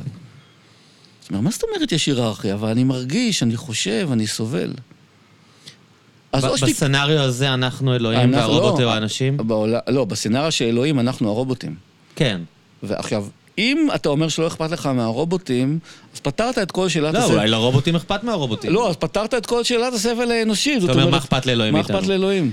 בקליפורניקיישן, אתה זוכר את הסדרה? לא ראיתי אותה. אז אה, הוא כאילו סופר כזה מאוד... אגב, אה, הערת ביניים, הנה חזרנו, למרות כל כן. התלונות שלי, הגענו. לסדרות טלוויזיה. כן. הוא מין סופר כזה שמחזיק באיזה אתוס אה, של הסופר הגברי האמריקאי, מין המינגווי מודרני כזה, אתה יודע, קצת הרפתקה, קצת womanizer, קצת זה. כן. אז אה, הוא...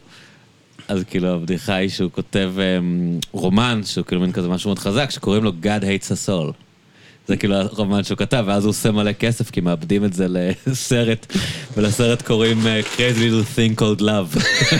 נהדר. ככה זה מתחיל. כן. אז לא, אז כשאתה אומר לי זה, אני חושב God hates זה ה- זה הספר של האנק מודי. אה, אם אלוהים שונא אותנו? לא, לא נראה לי, או שלא אכפת לו לא מאיתנו. אכפת לו. זאת אומרת, אם אתה אומר מה אכפת לי מהרובוטים, אז מה אכפת לאלוהים מאיתנו? זאת אומרת, אנחנו מצפים של... אנחנו מצפים... אבל אני חושב שכן זה בעיה אנושית כללית. לא, אתה יודע, אני לא חושב... אה, כי במובן הזה אנחנו היציר, אנחנו הברואים, כן, הרובוט הוא הברור. כן, אנחנו מצפים שאנחנו חושבים שהרגשות כן, שלנו חשובים, ואז מסבירים למה הרגשות של ואלוהים אחרים לא נתן לנו חשובים. משהו מהניצוץ האלוהי שלו, ואנחנו נותנים משהו מה... אם יש, לרובוט? רובוט, אם יש רובוטים כאלה שהם מרגישים, אז... שהם קיבלו משהו מהניצוץ האלוהי יש שלנו לנו ו- אחריות מוסרית, על- יש לנו אחריות מוסרית עליהם. אבל אז חלק מזה... אולי אני לא מאמין שאנחנו מסוגלים, שאנחנו באמת אלוהים, כאילו, שאנחנו מסוגלים. אולי, אבל אנחנו, חושב אם. היינו יכולים להעביר להם את ה... את הניצוץ, אז אולי היה להם את הערך הזה, אבל אני בעצם אומר משהו לבני אדם, אתה מבין מה אני מתכוון? שאנחנו- אני אומר שאנחנו לא יכולים לברוא. או שלא אכפת לנו מדברים. אני חושב שאנחנו מוצאים המון המון דרכים להכחיש סבל שאנחנו גורמים. עזוב, עזוב עכשיו אה, רובוטים, כי זה עוד לא, זה יהיה. כן. אנחנו מוצאים המון המון דרכים להכחיש סבל של אחרים ולהדגיש, ולהדגיש את הסבל שלנו. הן חיות. הן רגילות למות. הן רגילות שאני, לצערי, צמחוני חלש מאוד ולא טבעוני, אז אני, אני לא מספיק טוב, נניח. או כולנו כושלים. אבל יש איזושהי הכחשת סבל שבז, שבעזרתה, אנחנו, שבעזרתה אנחנו חיים. כן, אנשים עושים את זה לערבים נגיד. או לערבים, כן. לאנשים שמייצרים את הטלפון שלנו, כל מיני, כל כן. מיני דברים. אנחנו... לא אומר עכשיו בואו נפסיק לצרוך או זה, אני לא חושב שאנחנו יכול, אני לא חושב שאני לא יכול לחיות ככה, ויש סבל בתוך, בתוך הקיום האנושי, וגם אנחנו מסבים סבל, אבל אנחנו גם ממש ממש טובים בלהכחיש אותו. להגיד, הוא לא כזה סובל. באמת- הוא לא באמת כזה הוא סובל. לא באמת סובל, הוא רגיש לזה... בוא, תאמין לי, אני פעם... אה, אני כן, אני פעם זה. אני מכיר אותם. אני מכיר אותם. אני מכיר את התאילנדים, זה מה שהם אוהבים כן, לעשות, לעבוד פעמים אומרים לי, ב-40 אתה יודע, מעלות. לאבא שלי יש רפת. יש כאלה, אתה מכיר? לאבא שלי יש רפת, כן. זה בכלל לא כמו שאתה רואה בסרטים של אה, יורי. כן, אני, אני אומר לך? אני, אני, כן. אני חייתי עם פרות, אני אומר לך, אני יודע, הם מבינות, להיות, הם- אני- לא רק יודע, כוח. אני לא יודע, אני לא יודע מי צודק, אמ, אולי הרפתן, אני לא יודע. כאילו גם למה אני מאמין ל... איך קוראים לו? יורי, מה? ההוא שהסתובב והראה לכולם את- את הסרטים אוקיי, המזעזעים לא, האלה. לא צריך סרטים מזעזעים, אבל עזוב, סרטים מזעזעים. כן. מספיק, לראות פעם, להסתכל פעם אחת על בעל חיים ברצינות ולראות שיש להם רגשות, כן, שיש להם מודעות. שאכפת להם, להכחיש את הרגשות של חיות זה מוזר. שהם סובלים. כשאתה רואה חיה בוכה ואתה אומר, לא, היא לא באמת בוכה, זה אינסטינקט. אז זה משהו וזה כאילו זה קצת דפוק. כן. קצת דפוק. כן, כן. זה- אני מסכים. ומלא אנשים רציניים עושים את זה. אומרים, מלא אנשים רציניים. אתה מפרש את זה כבכי, כי אתה עושה לו האנשה, כן. אבל הוא לא באמת בוכה. הוא לא, באמת- לא סובל, הן לא לא באמת- יודעות, אין להם זיכרון, לדגים אין כן. זיכרון, לחתולים אין זיכרון. לא, דגים אני שם את הגבול. מה? דגים אני שם את הגבול, יש את המשפט של- שי עגנון שהיה צמחוני שאכל דגים, והוא אמר, זה דווקא משפט יפה, אני לא חושב שהוא נכון, שהוא- שהוא שהוא מצדיק, אבל משפט יפה, הוא אמר, אני חושב שאחת, הוא לא אומר, אני חושב שאחת ברור, הוא הדמויות שם את זה שלו, בפיו או שלו. זה, הוא אומר, הם לא היו איתנו במבול. לא במבול? כן. זאת. אומרת, בזמן שאנחנו סבלנו ומתנו, כאילו, אנחנו, הם הם המשיכו לסחוט להם, וזה הם לא חלק מהאחווה מהאחווה שלנו. שיתרמו משהו רגע. כאילו, הם לא היו איתנו במבול. יש גם את המשפט של קורט קוביין. כן, כן, אבל... כן. אז אנחנו, כן, יש חיות שקל לנו לראות יותר רגשות, ויש חיות שפחות. אבל, אתה יודע, מדי פעם יש מחקרים, אני מאוד אוהב את עמוד המדע בהארץ. אז אה, מחקרים הוכיחו, אה, וציפורים, הארץ ציפ- ציפורים אה, מלמדות, לומדות. כן, נכון, פשוט כן. תסתכלו על זה. עכשיו, זה כאילו מכוונות טובות, כן. הן לומדות וזה, אבל זה באמת כאילו נראה לי כל כך... פשוט תפקחו עיניים, תראו, זה, זה כל כך כמעט מובן מאליו. כן, אבל כאילו אנחנו יותר ויותר מרגישים שהעולם מורכב ואנחנו, יש לנו ספק ב judgment שלנו. אתה יודע, זה גם אגב, אם כאילו הזכרת פיזיקה, באמת הנושא שאני יודע עליו הכי פחות בעולם, אה, חוץ מביולוגיה שאני גם לא יודע כלום. אה, בכלל, אני מאוד גרוע במדעים מדויקים, אבל אבל כאילו נראה לי, ממה שקראתי, ש, שזה חלק מהדבר שקרה במאה ה-20, שכאילו, ה, תסתכלו על זה, הדברים שנראים לך אינטואיטיביים, אני מבין את העולם, פתאום כאילו בפיזיקה גילו שהם לא ככה. אתה מתכוון שהאינטואיציות הבסיסיות שלך הן לא נכונות, כאילו. כן, אבל לא יודע אם זה... שבתורת היחסות, או במכניקת קוונטים, כל מיני דברים שאתה אומר, אה, אני מבין, כאילו ניוטון, אתה מבין, כאילו, ופה זה כזה, לא, זה לא משנה מה האינטואיציה שלך, או איך אתה חווה את הדברים. אמ, יש עולם פיזיקלי שאתה בכלל לא מסוגל להבין אותו, אתה לא רואה אותו. יש מימד חמישי, מימד שישי, כאילו, על מה אתה מדבר? בקשר לאינטואיציה זה מעניין, כן, זה משהו שגם שהטריד אותי בתור תיכוניסט, ודמיינתי עולם שבו... אמ, אנשים יחיו באינטואיציה של תורת היחסות. עכשיו, זה לא כל כך מופרך. שזה חלק מהאבולוציה שלנו? כי אנחנו נפתח את האינטואיציה? לא, אני אומר, זה לא כל כך מופרך, כי אמ, אתה אומר, טוב, ניוטון זה סוג של אינטואיציה. ניוטון זה לא אינטואיציה. האינטואיציה היא פיזיקה יוונית. ניוטון אומר, כן, אה, חפץ שלא יעצרו אותו, ימשיך בתנועה שלו לנצח. אומרים, כן, ברור, זה אינטואיטיבי. יכול לדמיין את זה. מה זה אינטואיטיבי? מה אינטואיטיבי? באינטואיציה שלנו אנחנו זורקים אבן והיא נופלת. למה היא נופלת? היוונים אמרו כי היא שואפת למקום הטבעי שלה. אתה מגלגל משהו ונעצר. היוונים אמרו כי, כי יש כוחות ש... כי, כי הוא שואף... הפעלת עליו כוח מסוים והוא נגמר. והוא נגמר. כן. וניוטון אמר, לא, לא, לא, זה לא כמו שאתם חושבים, זה לא מה שאתם רואים, okay. אוקיי. ואנחנו עברו, עברה איזושהי תקופה, אני שאלתי את עצמי, איך אנשים בתקופתו אמרו, איך האינט, האינטואיציה הזאת השתנתה?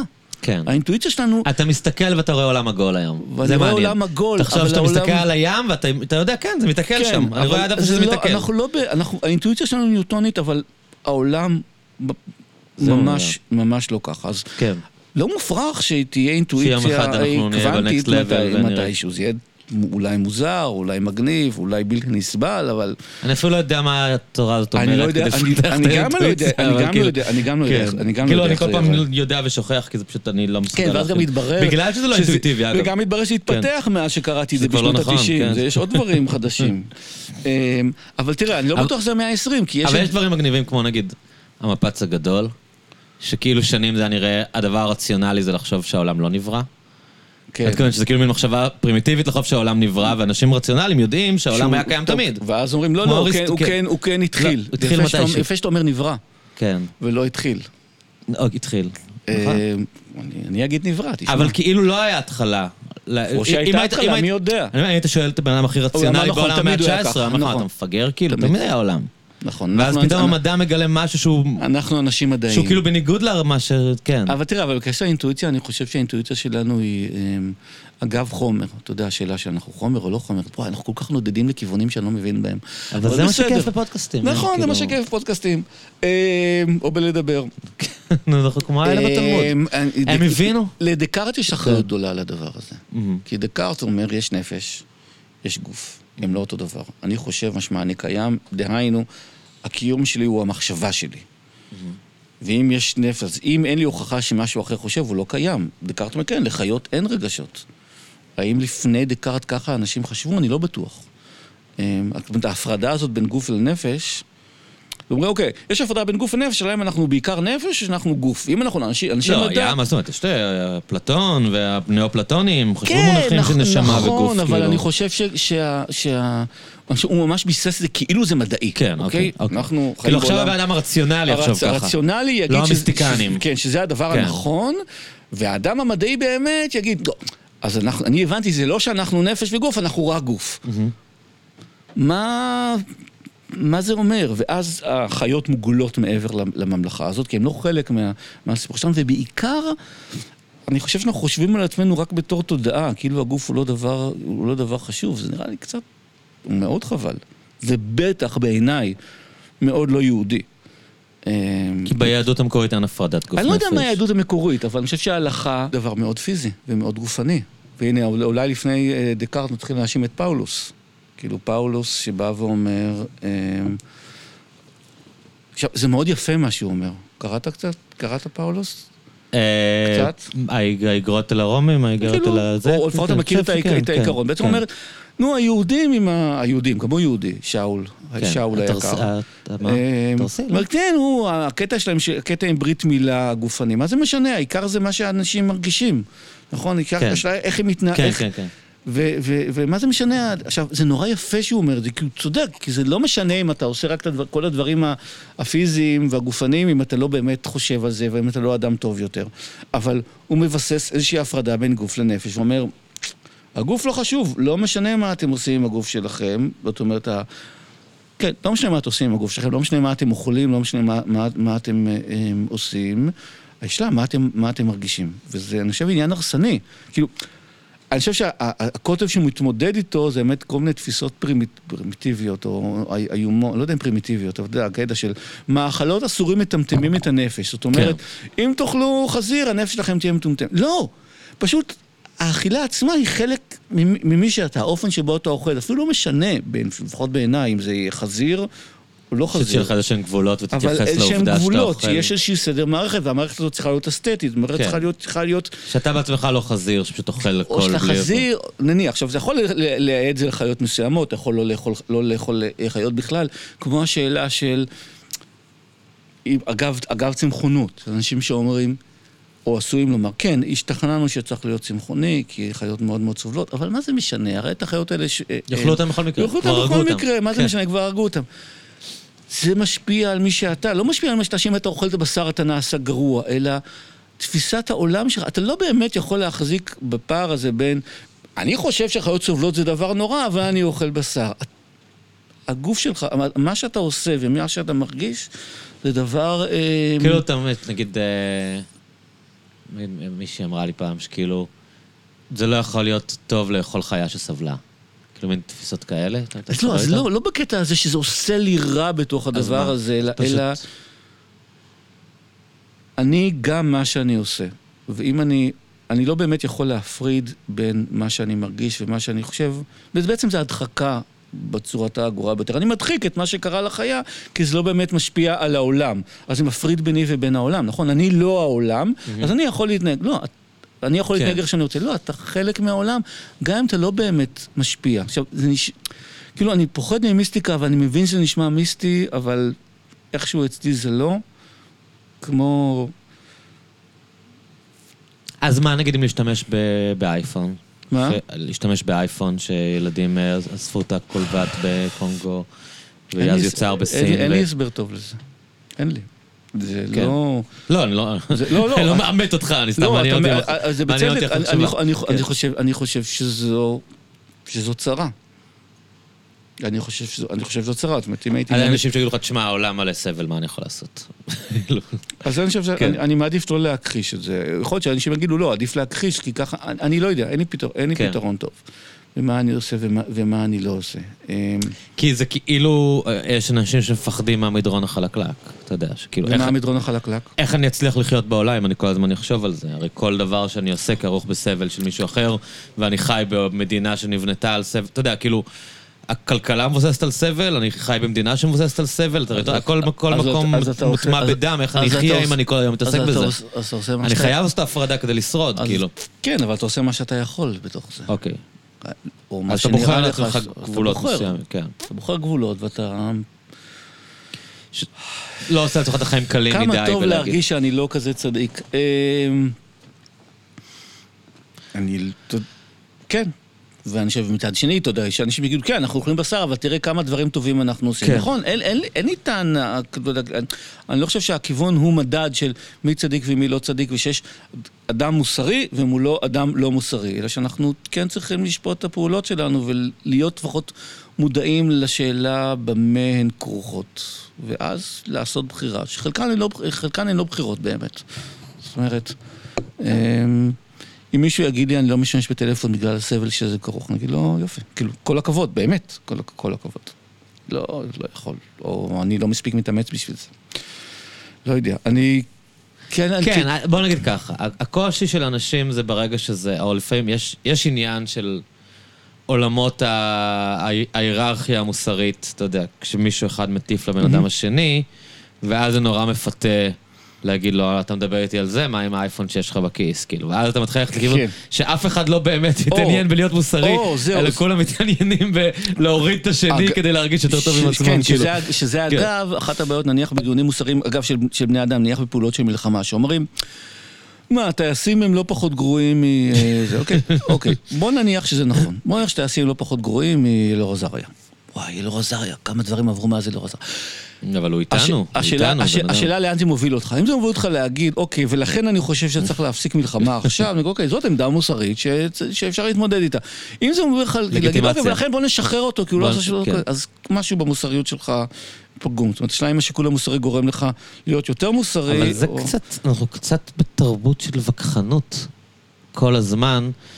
אתה יודע, כאילו אנשים, אף אחד לא מנסה להגיע לתשובה לשום דבר, אלא רק לנצח איזשהו ויכוח.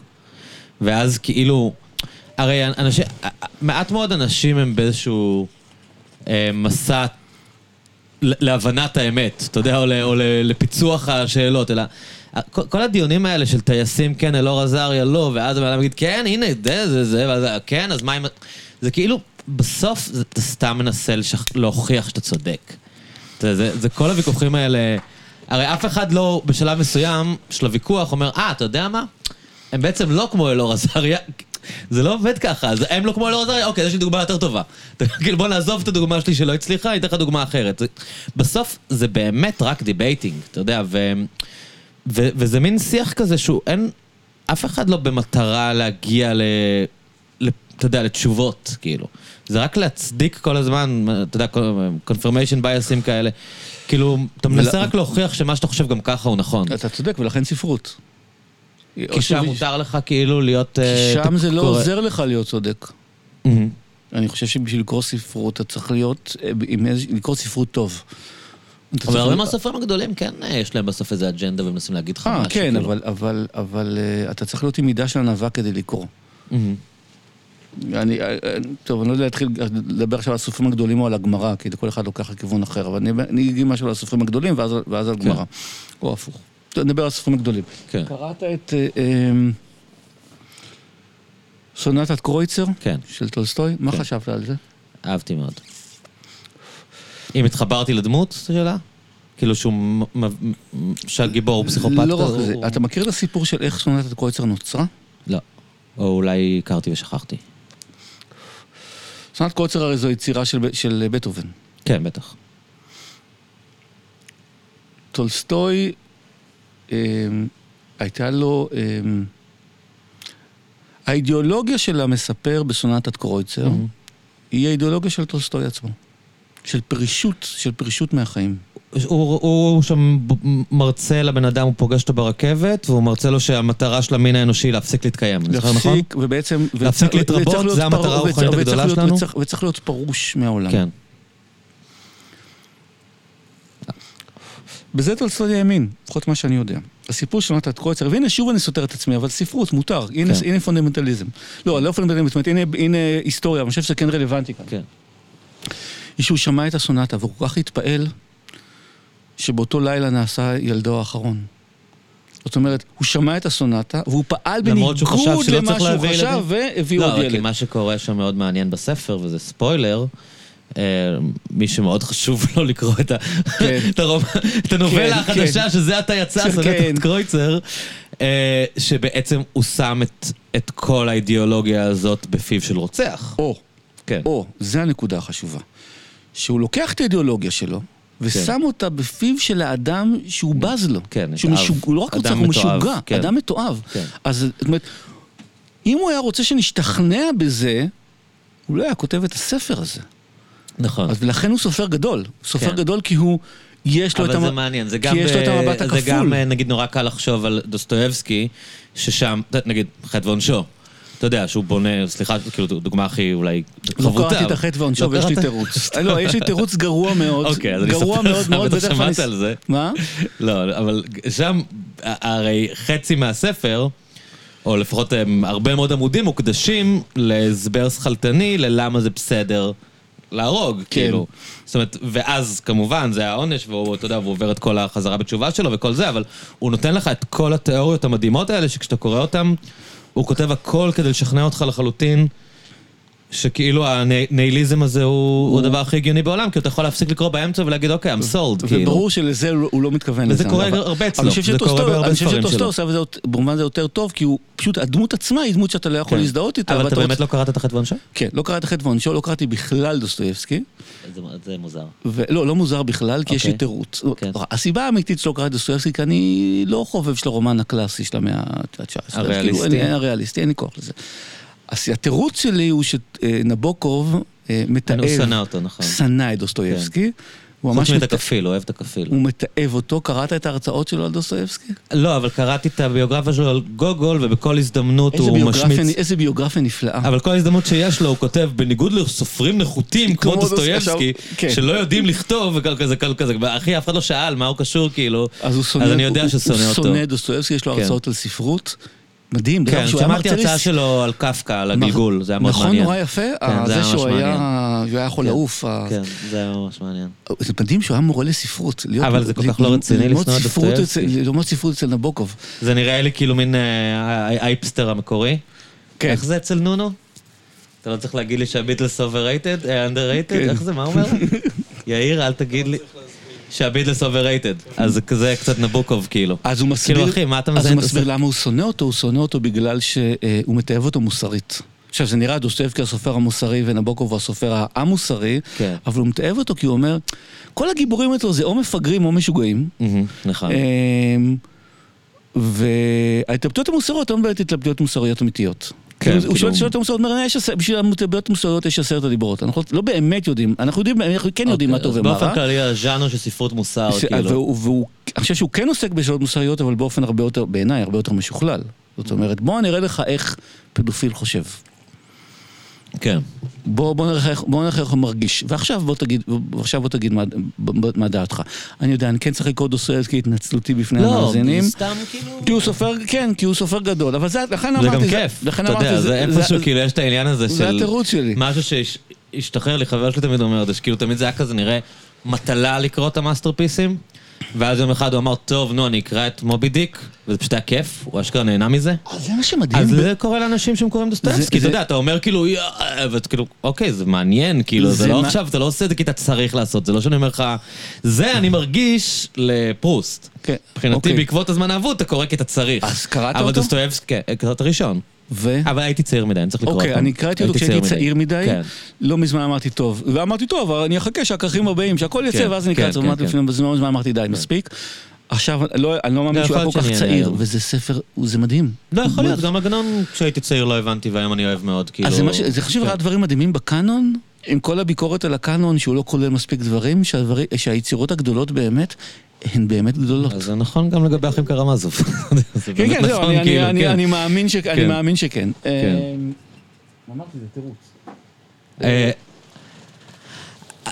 כן, תראה, אין, אין ספק שכאילו ל- לכתוב ספר כדי להגיד, אם כאילו, אם הרעיון של מלחמה ושלום היה להגיד לך שמלחמה היא דבר רע, אז זה היה קצת מיותר. כאילו, אז הוא כן אומר לך שמלחמה היא דבר רע, אבל זה לא כל מה שהוא אומר לך, זה או לא כל מה שאומר, כאילו, והוא גם מעביר אותך דרך החוויה, כן. בדרך החוויה אתה הזאת. שם, זה מטורף. אה, זה מטורף. אה, יש, יש שם סצנות של, כאילו, של תיאור של שדה הקרב, שזה כאילו באמת קובריק או ספילברג, אתה יודע, זה כאילו מין מראה פנורמי, כאילו, אני ממש מתרשם מהטכניקה של האנשים האלה. כאילו, במיוחד אני חושב טולסטוי, כאילו... כן, הערה למאזינים, אני קראתי רק את סונטת קרויצר. אוקיי. אה, אז מה, אתה פשוט באמת מת- מתחמק מכל העולם לא- הזה? לא אבל צ'כוב התחמקתי. איכשהו- מצאתי את עצמי יותר בספרות המודרנית יותר, וזה סוג הדברים שאתה יודע, אני כן. יודע שאני רוצה עקרונית. להשלים, אני צריך להשלים, כדאי להשלים, אבל אוקיי, וצרפתים, אתה למדת צרפתית? מאיפה אתה לא. כאילו בעניין נורא של של צרפתים? ז'ורג' פרק? כן. אני לא בעניין. איכשהו, אני חושב שאני איכשהו יוצר אוהב ארגנטינאים, אבל אה, Mm. ספציפית פרק,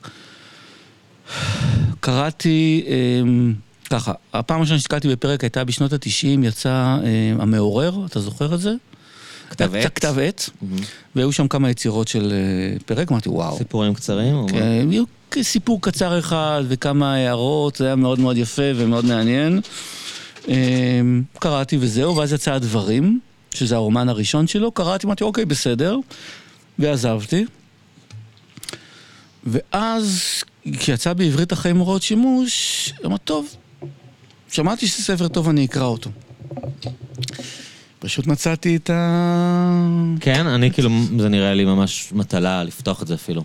זה כיף? זה נראה לי כאילו... בעיניי זה כיף. תראה, כן. זה קצת עניין של גישה. זאת אומרת, אני אוהב, בנת... מתברר עם השנים, אני אוהב ספרות שבורה, אני אוהב ספרות כזאת, אני אוהב ספרות שהיא קצת משחק, אני אוהב ספרות משחקית, הוא סופר מאוד משחקי. היא מקסימה אותי, היא מצחיקה אותי, היא מעניינת אותי, הצורך הזה להבין, הסיבה שמאוד מאוד, אחת הסיבות שמאוד אהבתי מדע בדיוני בתור, בתור נער היא פתיחת ספר של, ספר נפתח בעולם שבו אתה לא מכיר בכלל, לא mm. מבין שום דבר, בוא תתחיל להבין איפה אתה נמצא. העולם, זה כן, כיף לי. נכון. אמ, אז אני אוהב את זה. אמ, וזה מה שקורה שם? זה מה שקורה שם. אני חושב, עם השנים למדתי יותר ויותר להעריך וגם לאהוב, חוץ מאשר ההיקסמות הראשונית שלי. אמ, יש הרבה דברים בחיים הוראות שימוש שאני מאוד אוהב. אמ, קודם כל, המבנה של הרומן באמת הוא סוג של ניסיון אמ, להתמודד עם הבעייתיות של הרומן. כל מה שאמרתי קודם על, על כמה ספרות היא דבר טוב, זה נכון, אבל גם הספרות היא לא העולם, היא לא המציאות. אנחנו חיים במציאות שבורה, כאוטית. כולנו, גם מי שמאמין שיש נרטיב, אבל לא ככה אנחנו חיים את החיים. אמ, מישהו, אני, אני מלמד עכשיו את החיים הוראות שימוש בסדנה בבית אריאלה. ומישהי אמרה, התנגדות נכונה, אומרת, אני לא זוכרת, אני קוראת פרק, ויש שם המון המון פרטים, ואני לא זוכרת את כל הפרטים כן. האלה אחר כך. המון המון פרטים. זה נכון. וכשהלכת היום hmm, מהבית, ראית הרבה פרטים? אמרת לי, כן, ואת זוכרת את כולם? אומרת לי, לא.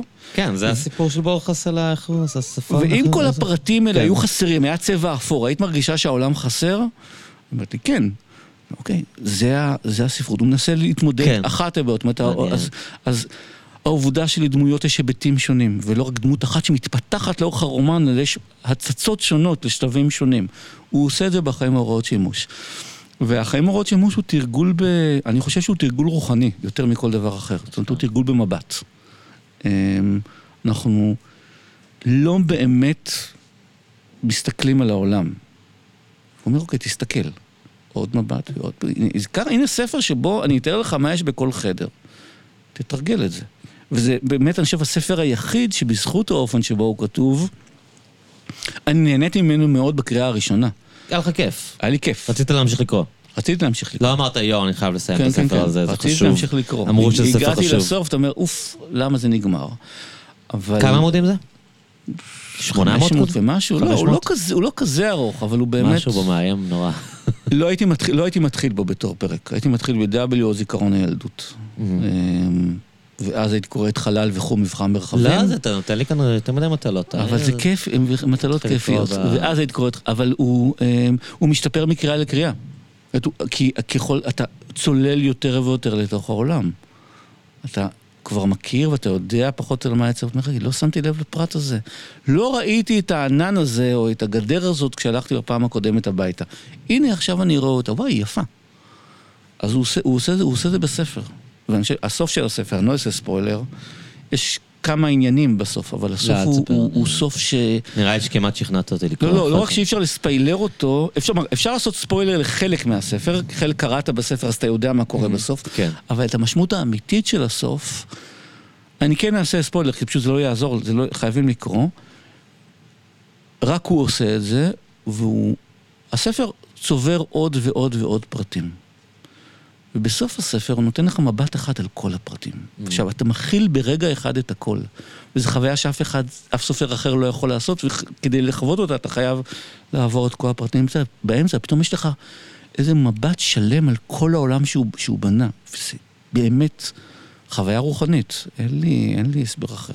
לכן, אה, לא ראש פרק. נראה לי ששכנעת אותי. נמצא את זה בסיפור חוזר? זה בטח בספרים האלה שאנשים אה, לא... אולי. יש כבר קנה, לא נפטר ממנו. אני מניח שתמצא בסיפור חוזר, אין לי סיפור חוזר בהתחלה. עכשיו אמרתי כל המאזינים יקחו לי את זה. סיפור חוזר היה, אה, כן, אל תחכו שנייה, תנו לאריאל. קודם אני בודק, הלו. כן. סיפור חוזר היה בהתחלה כן. מקום מעולה למצוא את הספרים הכי טובים. כן. בזול להפליא. עכשיו, כולם כבר הבינו את זה. אבל תחפש בסיפור חוזר, אבל הוא שווה, הוא שווה את ההשקעה. אבל תקרא קודם כל את W זיכרון הילדות. בסיפור חוזר היה קטע שהיית יכול להשיג ספרים נדירים, כי אין להם מושג ממש. שם, הם אמיתים.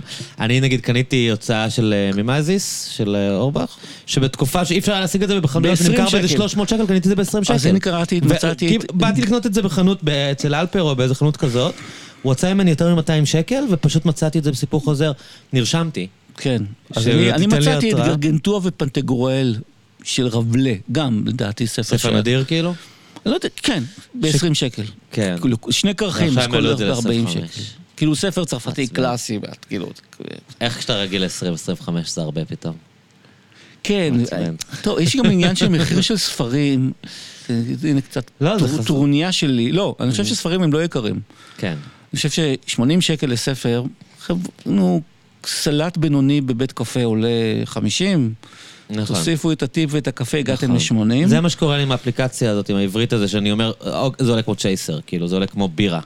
אבל אני חושב שאנשים. מתייחסים לזה אחרת, כי הם מתייחסים לספר כאל מחויבות, ואנשים אומרים לי ברצינות, ואני אמרתי לאנשים, רגע, זה עולה 80 שקל, נו, זה לא, זה לא מעט, אבל זה, אתם מוצאים 80 שקל בבית קפה.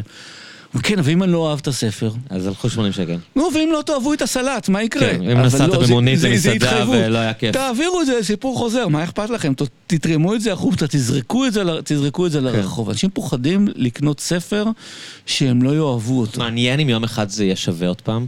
כאילו, אני פשוט זוכר את התקופה עם התקליטים, שהיית פשוט יוצא החוצה ורואה אנשים זורקים את התקליטים שלהם, נכון. ועכשיו זה כל מיני ספרים. היית פשוט יכול ללכת ברחוב, אני מספר לעידו, יש לי את הדור הצעיר כאן.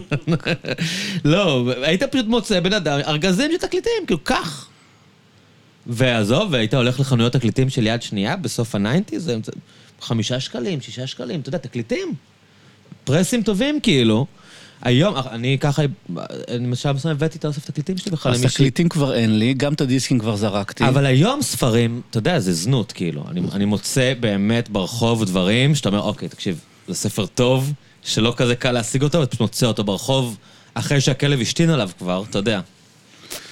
ו... ועוד פעם, באמת, יש לך הכל ב-20 שקל, ויש לך בחינם ברכבת, נכון, וכל אנחנו צריכים הדברים את האלה. פיקדילי של הספרים. כן. לא, אבל מעניין אותי אם יום אחד זה יהיה שווה עוד אבל פעם. גם פיקדילי, כבר צריך צריך להסביר שמספיק- שפיקדילי הייתה חנות תקליטים משומשים, או בזול, או כן, כאילו הם יד היו שנייה. מביאים אה, כל מיני אאוטלטים ומצאתי וזה. שם דברים, כאילו... היה גם בירושלים, נכון? לא, הייתי, קודם כל ירושלים לא הייתי כל כך בצד של ירושלים, הייתי בצד של תל אביב. הייתי בישיבה תיכונית, תיכונית, נכנס למין חצר פנימית כזאת. הייתי בישיבה תיכונית בנתניה, והיו לי חברים ש... תשמע, באמת כל כך מופרך הדבר הזה. היינו יוצאים מדי פעם לתל אביב. כן, ברור. וזו חברים תאומים, שאמרו לי, הם הכירו לי את בוב דילן. Mm.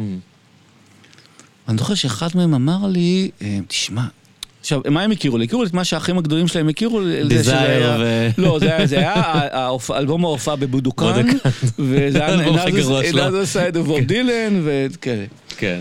ואז יצא עומרסי, אמרתי, אוקיי, כן. זה מוצלח. עכשווי. קורה. ואז אמרו לי, תשמע, יש לבוב דילן אלבום, הוא נחשב על אחד האלבומים הכי טובים בכל הזמנים, אבל אין להשיג אותו בישראל. אמרתי להם, מה? אומרים לי, בלונדון בלונד, זה אמור להיות אלבום. מופת, בחיי. אי אפשר היה להשיג את זה בישראל באותם שנים? בחיי, אי אפשר היה להשיג. לפחות ככה הם סיפרו, אני לא יודע. ואז. אנחנו הולכים לפיקדילי, זה היה סיבוב של, נסענו לתל אביב, הברזנו, הברזנו, איזה מילה, אלוהים אדירים, אבל אז. הברזנו. עוד אומרים? כן. אז הברזנו מהישיבה, נסענו ל- למונטי פייתון בגביע הקדוש, או מונטי פייתון. אחר בקולנוע פריז, וואו. ול, ולפיקדילי. אגב, העולם הכפול שבו לי חייתי. גם הייתה התרגשות של לנסוע אוקיי. לדיזינגוף. אתה אוקיי, יודע, גם. העולם- העולם הכפול שבו חייתי, אוקיי, מצד אחד בחור, כאילו, ישיבה תיכונית, וזה מצד שני, כן, בוב דילן, אנשים לא הבינו מה זה. הרחוב דיזינגוף של אז, אה? היה מבינים. פשוט ריגוש. ממש. ואז נכנסנו לפיקדילי. ואנחנו מסתכלים שם, ואני אומר להם, תגידו, הבחור הזה על העטיפה, זה לא, אה, של... זה לא בוב דילן? אומרים לי, מה פתאום בוב דילן? זה שלום חנוך. צוחקים עליי. מסתלבטים לא, על לא, הסתלבטו עליי, כי אני לא מכיר, הם הכירו לי את בוב דילן. ואז אני הולך למוכר ואומר לו, תגיד, זה לא בוב דילן? הוא אומר לי, ברור, זה Blonde on Blonde.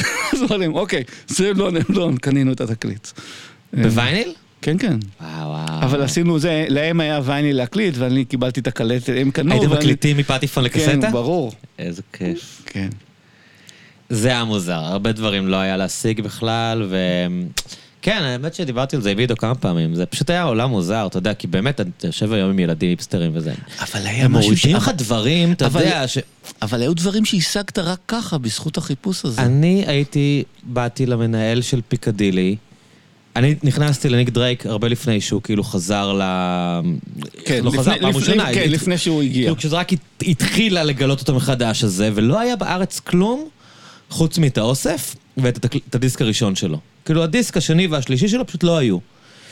ואני ביקשתי מהבן אדם בפיקדילי לה- אה, להזמין לי, כי לא היה, פשוט literally לא היה את הדיסק השני והשלישי של ניק דרייק. והוא אשכרה אה, ניהל איתי משא ומתן, הוא אמר לי, לא, אני אזמין לך את ה box set. כאילו, לא, תקנה את לא, לא, ה box set. אני. אמרתי לו, אבל יש לי את הדיסק הראשון, אני לא צריך את ה box set. הוא אמר לי, לא, ה box set זה גם כבר remaster, תקנה את ה box set. כזה, בבקשה, תזמין לי את זה, זה מה שאתה עושה, אתה מזמין דיסקים, כאילו. אבל אשכרה הייתי תלוי באיש הזה, אתה מבין איזה unheard of? זה היום לאנשים אבל שכאילו... גם לא ידעתי הייתי אותו- תלוי באיש הזה כדי לשמוע את השירים. אבל גם כאילו. לא ידעתי מה להזמין, זאת אומרת, כן. נכנסתי לפיקדילי נכון, לא ואמרתי, או, לא היה זה. או, ניל יאנג, אני אוהב את ניל יאנג. ומעמדו של מוכר איזה הדיסקים. ניל יאנג קניתי כי... מה שהמוכר. אמר לך, מה אתה יודע? לא, מה שמצאתי שם, מה מצאתי ניל יאנג? טרנספורמר. שמעת? טראנס, אה, אלבום- אלבום אלקטרוני שלו, טראנס, האלקטרוני כן. שלו, באמת מוזר. כן. בדיעבד, לא כזה. גרוע, אבל מאוד... גם היה שלב. שלא היו נותנים לך להקשיב בכלל. כאילו היית צריך לא. בכלל אפילו לא ניסיתי כן. להקשיב, זה היה טוב, נו. אני- צריך להמר. כן, איזה מוזר. מוזר, כן. היה מאוד מוזר. וגם, אבל מה, מה שיפה, גם נראה לי דיברתי על זה פעם, שאם היית קונה דיסק, אז כבר היית מחויב אליו. זה לא נכון. משנה אם הוא לא משהו. אתה שילמת, תשמע, זה כן, מה אתה שיש תקשיב- לי. אתה תקשיב לו עכשיו. תנסה עוד פעם ועוד פעם, והוא, היי, דווקא את השיר הזה אני כן אוהב. אתה כאילו הייתי יותר עכשיו- בצד של קסטות, אז. איזה צד אתה תשמע קודם? האם אתה תשמע את הראשון אתה תשמע רק את השני, אתה- אז יש כל מיני אה, אה, עניינים. כן, זה קטע. אפרופו זה שדיסק פשוט ביטל את זה. שהיה תקליטים, קסטות צד א', צד ב', ודיסק פשוט אין יותר. זה אין יותר. כאילו זה קצת- שינוי. זה קצת חבל, וגם חבל לי על אובדן האלבום. כן, אני חושב שהאלבום זה דבר... זה כאילו... משמעותי זה יותר כאילו קיים, מרטקס. זה כאילו קיים. לא, זה עדיין קיים, אבל אנשים שלא שומעים זה קיים אלבומים גם זה. מאוד מוזר לי. אה, אני, אני כן, יש הרבה אמנים שכאילו חשוב להם העניין הזה של להוציא אלבום, ויוצאים אלבומים, ודווקא אני חושב שספוטיפיי קצת החזיר את האלבומים. ספוטיפיי החזיר את האלבומים? כן, כי אתה יכול כשזה היה יוטיוב, אז פשוט היית נכנס לבחור את אוקיי. השיר. או, כשזה. היה אה, Napster, אז היית מוריד את השיר, ופה זה כאילו, בוא, כנס, דוחף לך את האלבום, תלחץ play, תקשיב לאלבום. כאילו, אני חושב שזה... אני לא יודע. אני לא ב Spotify, אני. ב Tidal, כי אני סנוב, אבל... אה, כי זה איכות יותר גבוהה. זה איכות יותר גבוהה, וגם משלמים יותר לאומנים. אז, אה, אה, אוקיי. אה, אתה יודע, זה גם איכות יותר גבוהה. ויש גם כן, דברים אני. שיש ב Tidal ואין ב Spotify, אני נכון? חושב ש... אני חושב שיש את הכל כמעט בהכל, אז זה או. Tidal או Deezer. לא, אבל נגיד ג'וני מיטשל וניל יאנג יש לכם. כן. כן, כן, יש. אני. כבר פחות שומע, אני ניל יאנג. כן, אבל אני אה, עדיין, אם אתה רוצה, אה, יש לך. אה, בספוטיפיי אין. יש יש את הכל. כן, איכות יותר גבוהה, ובקיצור, אני מאוד אני מרגיש מאוד נעלה בדבר הזה. וכמה זה עולה? פחות גם, לא? לא יודע. אבל אין פודקאסטים. יש פודקאסטים לא, אין אבל אני לא שומע כל כן, כך פודקאסטים, אז... תרצה, אה, נכון. בשביל בדיזר כן יש פודקאסטים, וגם כל אה, יש פודקאסטים אתה גם יכול... דיזר, איך כל הדברים האלה מתקיימים? מה? הם. פשוט יותר מוצלחים מספוטיפיי. זה הבן אדם המעצבן, אתה מבין? כן, אחי, כן. דיזר. מה כן, דיזר כן, אני- אדם- דיזר. אני- אדם- אני דיזר? אדם מעצבן. גם אם זה נכון, זה לא מעניין, אתה מבין? נכון, נכון. אחי, אני משתמש בדיזר. בתוכי, בתוכי, מה ב- אתה ב- מדבר, ב- כאילו? בוא, זה גם בתוכי, זה. צרפתי בכלל, לא? דיזר לא. זה צרפתי. אני כאילו. מדמיין את עצמי בא לפריז. לא. תראה, בתוכי, Deezer. בתוך? הבורג, בתוך הבורגני הדתי איש המשפחה מסתתר היפסטר. זה ה... ממש. כן, כן, אני יודע. שלא קרא דוסטויבסקי, חוקר כן. ספרות שלא קרא לא, לא, אני דוסטויבסקי. כן, אני היפסטר שמבוזבז, עכשיו גם אני מגדל זקן, אז בכלל זה בעייתי, אבל אה, רק אני... צריך לסרק את השיער? קצת יותר הצידה, שיהיה שביל בצד מו- מובחן יותר. יש לי שיער, חבר'ה. כן. אה, כיף זה, אה? מה? כיף שיש לך שיער. כן, זה כיף, אתה יודע. לא עשיתי שום דבר בשביל כן, זה. אבל אתה לוקח את זה כמובן מאליו, בזמן ש... בזמן שאנשים נאבקים על העניין, בעיה. טסים לטורקיה, משתילים וזה. זה, זה גם עניין. ניק קייב עשה השתלת שיער. ניק קייב עשה השתלת שיער? כן. זה מאוד- מעניין. זה מאוד מאכזב. לכאורה כן, כן. מצד שני, משהו שצריך לזכור על ניק קייב זה שהוא צובע את השיער מגיל 20.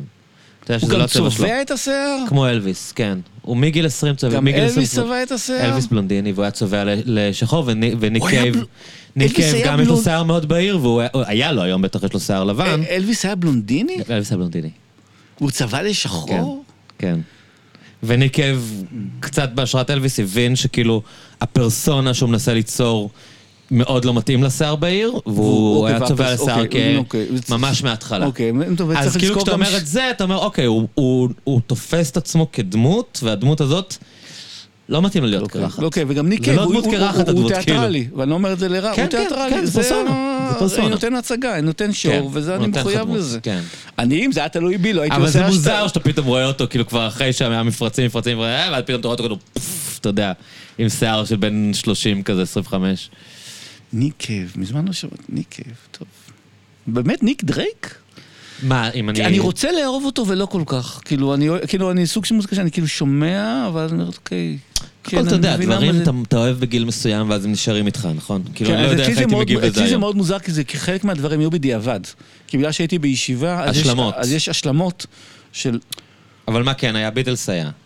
Beatles כן, בזכות החברים מהתיכון זה גם היה Beatles. אה, Dire Straits מאוד. Graceland, שחרשתי את Graceland. זה כיף. אני מתבייש, גם היה לי True Blue של מדונה. למה להתבייש? היום זה זה אייפס. כן, אבל אני כאילו זה לא... היום הדיבור זה להכיר בזה כן, ש True Blue זה אבל יצירת מופת. אני כבר הכרתי את מדונה לפני ש... וג'אנט ג'קסון זה יצירות מופת, זה אז- ה- אז- זה זהו, הבונטון אז היום. כאילו. אני לא ככה, אבל אוקיי. אני כן זוכר כשיצאתי מהישיבה, אז בישיבה אז שמעתי דברים שהכרתי פחות או יותר, ואז יצאנו לצבא ב-92. והיה שם, אה, כאילו היינו בתור מחלקה מהישיבה, אבל היו עוד מחלקות שם, ואני זוכר שהם שמעו שמה זה היה? נירוונה. אוקיי, ולא לא, הבנתי. אבל איזה יחידה זה היה? איפה שירתת? שריון. Mhm. ואז היה איזה... נירוונה, שהם נירוונה. יצאו, כאילו. מה? שהם התחילו, בזמן אמת. שהתחילו ממש. כן. שמעתי את הרעש הזה, אמרתי, "מה זה הד- מה זה הדבר הזה? מה זה הדבר הזה? איזה דבר, אה? ואז, וזה היה באמת, אני זוכר את החוויה הזאת, היא הייתה באמת חוויה מדהימה. הלכתי... אה, זה- זה אני מרגיש שהייתי ברגע היסטורי. אה, אז שמבחינת עידו הוא כאילו גדל בעולם שבו יש, כמו שיש ביטלס, זה יש פשוט- נירוונה. זה פשוט סאונד בעולם. המחשבה של לשמוע את זה פעם ראשונה ולהבין אותה בדיעבד, זה מטורף. אז- הלכתי לשמירה. זאת כן. אומרת, הייתה עמדת שמירה בקצה הבסיס, והלכתי לשמירה. לא אהבתי את הצבא, ובדרך לשמירה אני זוכר שמישהו, אני זוכר שאני שומע מאחד הבניינים את נירוונה. ואת הצרחה של קורט קוביין. ופתאום בבת אחת קלטתי את העוצמה של זה, כן. אמרתי, וואו, איזה יופי. הבנת את זה היה כאילו, הרוונתי את זה. עכשיו, ואז שלוש שנים לא שמעתי אותם. כאילו, ואז, כן. ואז ב-95 הגעתי לאוניברסיטה, פתאום, ב-95 הכירו לי את ה Pixies. אמרתי, כן. וואו, אוקיי. מעניין. שכאילו, אז זה מין, אתה יודע, זה בהיכרות בדיעבד, כן. השלמות, אבל השלמות של... לא, לא מבחינתי- אבל- זה בזמן אמת, כן, כאילו הכרתי את זה קודם. זה לא... אנחנו להקשיב להיסטוריה. אבל אז אוקיי, ואז Pixies, ואז נירוונה, ואז כאלה, אבל באמת החוויה הזאת של פתאום להיתקל במשהו שהוא, אתה לא יודע מה הוא אמור להיות. אגב, הדיבור שלנו על יצירות מופת, אחת הבעיות שיש לנו עם יצירות מופת זה שאנחנו יודעים שהן יצירות מופת. Mhm. ואז אנחנו לא יודעים אם השיפוט שלנו מושפע נכון, מזה, נכון. או לא מושפע אתה מזה. מנסה כל דבר להסביר לך ולתרץ את עצמך, אוקיי. אתה שואל את עצמך למה זה גאוני תוך כדי, במקום להגיד כן. אולי זה לא גאוני. אז אחת, הח- באמת אחת החברות הכי חזקות שהיו לי בהקשר הזה, שנת 2000, 2001, טסתי עם אשתי בפעם הראשונה לפריז. עיר שמאז אני מאוד אוהב. כן. והלכנו למלון, לא הכרתי, יודע, תכננו תכנונים לפני כן, אבל הלכנו, טוב, בוא נטייל בערב. הלכנו לטייל. ולילה וחושך, כי זה כבר אוקטובר, חושך די מוקדם. כן. אנחנו מתקרבים לאיזושהי רחבה מוארת, ריקה מאדם, ויש איזה בניין מואר בקצה. אנחנו מסתכלים על הדבר הזה ואומרים, וואו, מה זה הדבר המדהים הזה? ואז אני אומר לתהילה, תגידי. עכשיו, זה נשמע מאוד פרובינציאלי, וזה כן, מאוד כן. פרובינציאלי, כן. אבל כדאי לפעמים להיות פרובינציאלי בטח. בשביל זה. זה לא הנוטרדם? זה היה נוטרדם. ועכשיו, כי זה אובייקטיבית בעניין מדהים. אובייקטיבית. בלי שאתה יודע מה עכשיו, זה. היכולת ל- לראות אבל את זה בלי. לדעת שאני. הולך לנוטרדם, אבל זה. הביטלס. הילדים שומעים ביטלס ואוהבים את זה בלי שאף אחד אומר להם שזה הביטלס. וואו, כן. זה בניין זה מדהים. כזה, זה כזה. אז, אז לא צריך תיווך. לא צריך אף תיווך. אחד לא צריך להגיד לך שזה טוב. לא צריך. כן. זה, זה... פשוט תסתכל על זה ותרשה לעצמך להתפעל מדברים שאתה... כן, אני יודע, כולם אוהבים את זה, אבל אני היפסטר ואני כבר לא מתפעל מ... אגב, ספציפית לגבי הנוטרדם, יש לך את הפלצנים שיגידו לך, זה... ברור שיגיד. יש לך בפריז לפחות שלוש כנסיות יותר. יפות ומרשימות עכשיו, מהנוטרדם. אני חושב שאז גם ב-2000, אני חושב כן. שמאז כבר לא היה ריק, לא, זאת כן. אומרת, זה כן הלך נסע יותר ויותר, ועכשיו זה גם נשרף, אז בכלל. הדברים המדהימים הם באמת, הם באמת מדהימים. איזה עיר זאת אבל, אה? איזה עיר? זה פשוט, אתה לא צריך תוכנית. מה? אתה לא צריך תוכנית. לא צריך אתה תוכנית. יוצא מהבית והכל טוב, כאילו, לאן שתלך זה... לא צריך תוכנית. לאן שתלך זה טוב, היא כאילו. באמת מדהימה. לך לאיבוד זה יהיה הדרך אתה החוויה הכי יודע, טובה. אני, טוב, כשכתבתי את הספר, לא בדיוק, אבל היה לי חלום. מה זה חלום? החלום היה מין פנטזיה על, על חופשת כתיבה בפריז. ואמרתי, מה אבל כאילו, מה אני יכול לעשות לעצמי חופשת כתיבה בפריז? ואשתי, שוב אשתי, אמרה לי, כן, אוקיי, זה עולה כסף, אבל עניין שאתה כן. צריך בשביל לכתוב, אז תעשה את זה. זה עולה כסף, כאילו, במיוחד חודש לא לעבוד.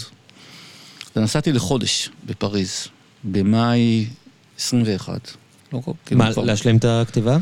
כן, אבל בסוף, היה לקרונית להשלים את הכתיבה, אבל בסופו של דבר כתבתי שם את, הפור, את ספר הסיפורת שלי. אוקיי. אבל שעוד לא יצא.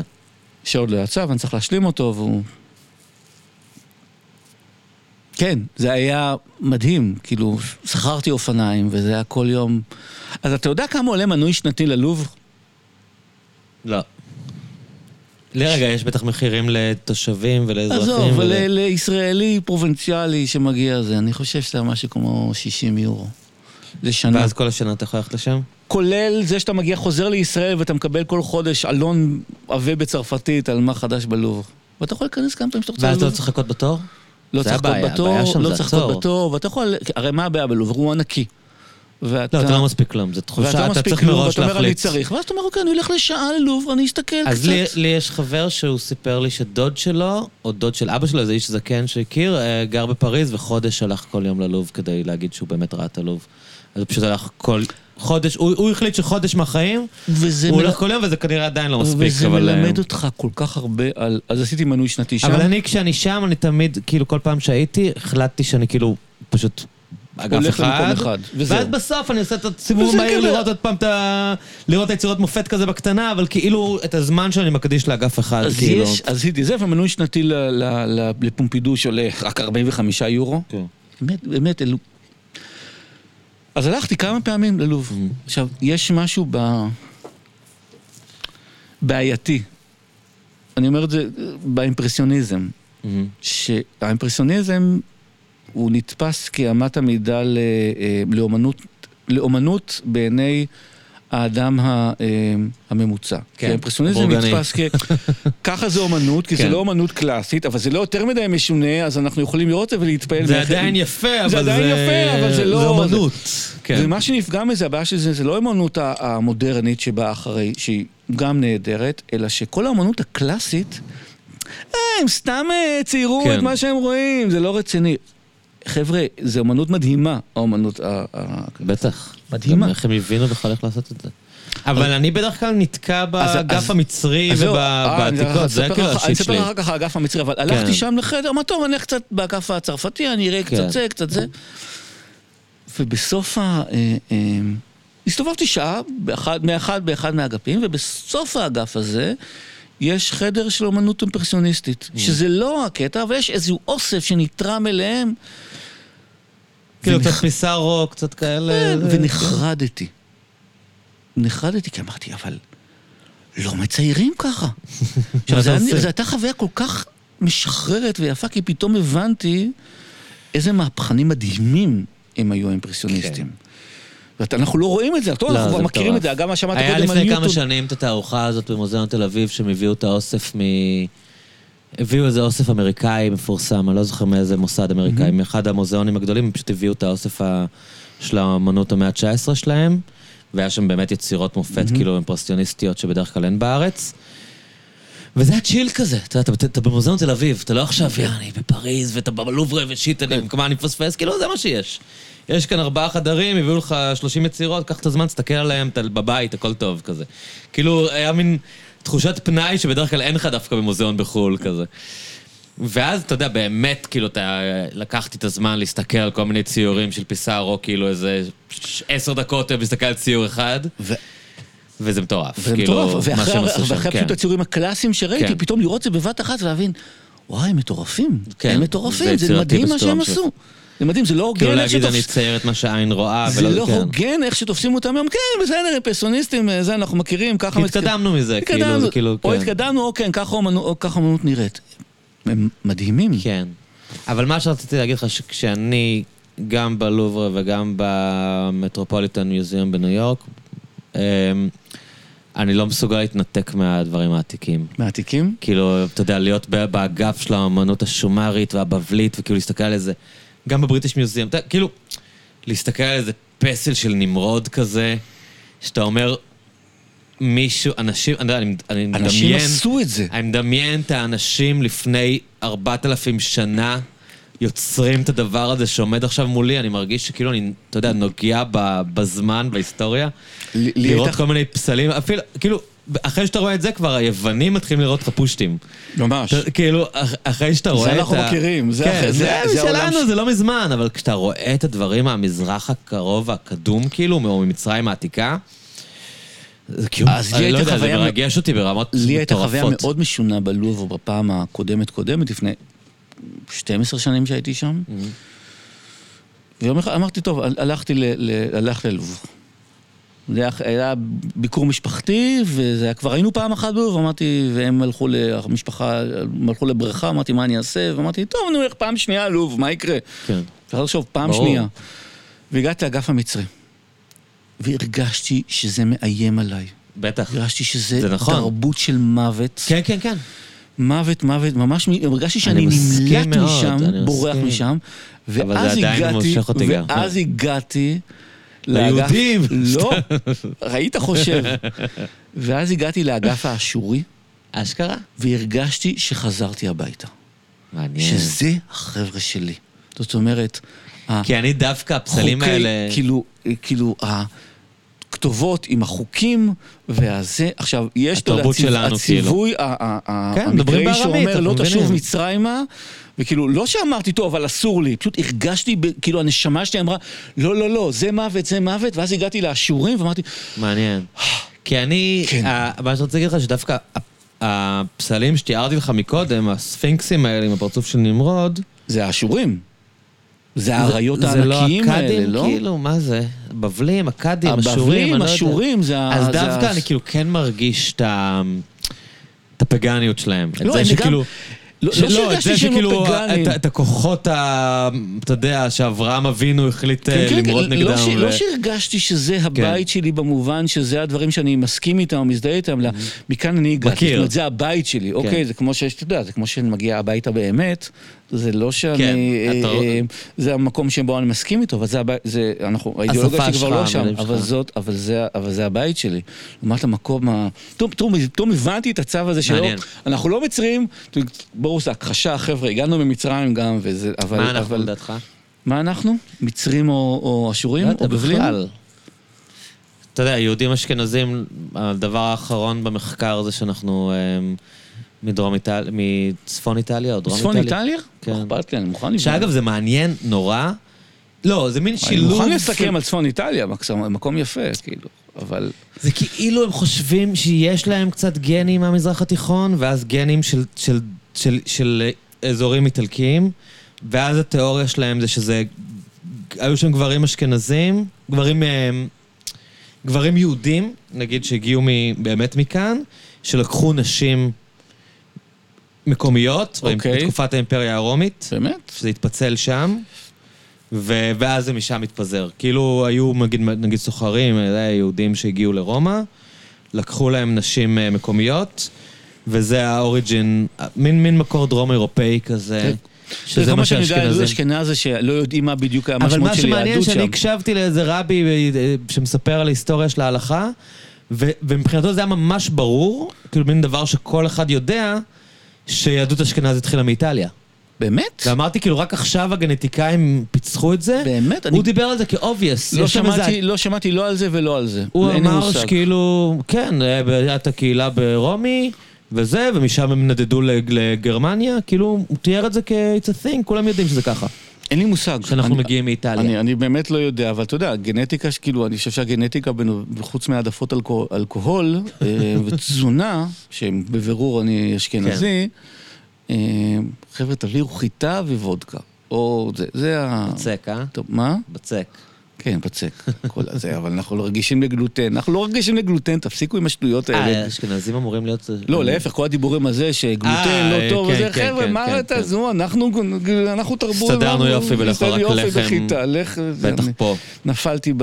אני סיפרתי את זה פעם, אני רציתי לעשות... אמ, היה לי איזה קונספט תיירותי, בתקופה שהייתי יותר בעולמות היזמיים, שאמרתי, אני אעשה מסעדה באיזה מקום שתיירים עוברים בו באוטובוסים, וזה, שמציג לך ארוחה כמו שאכלו בתקופת המקרא.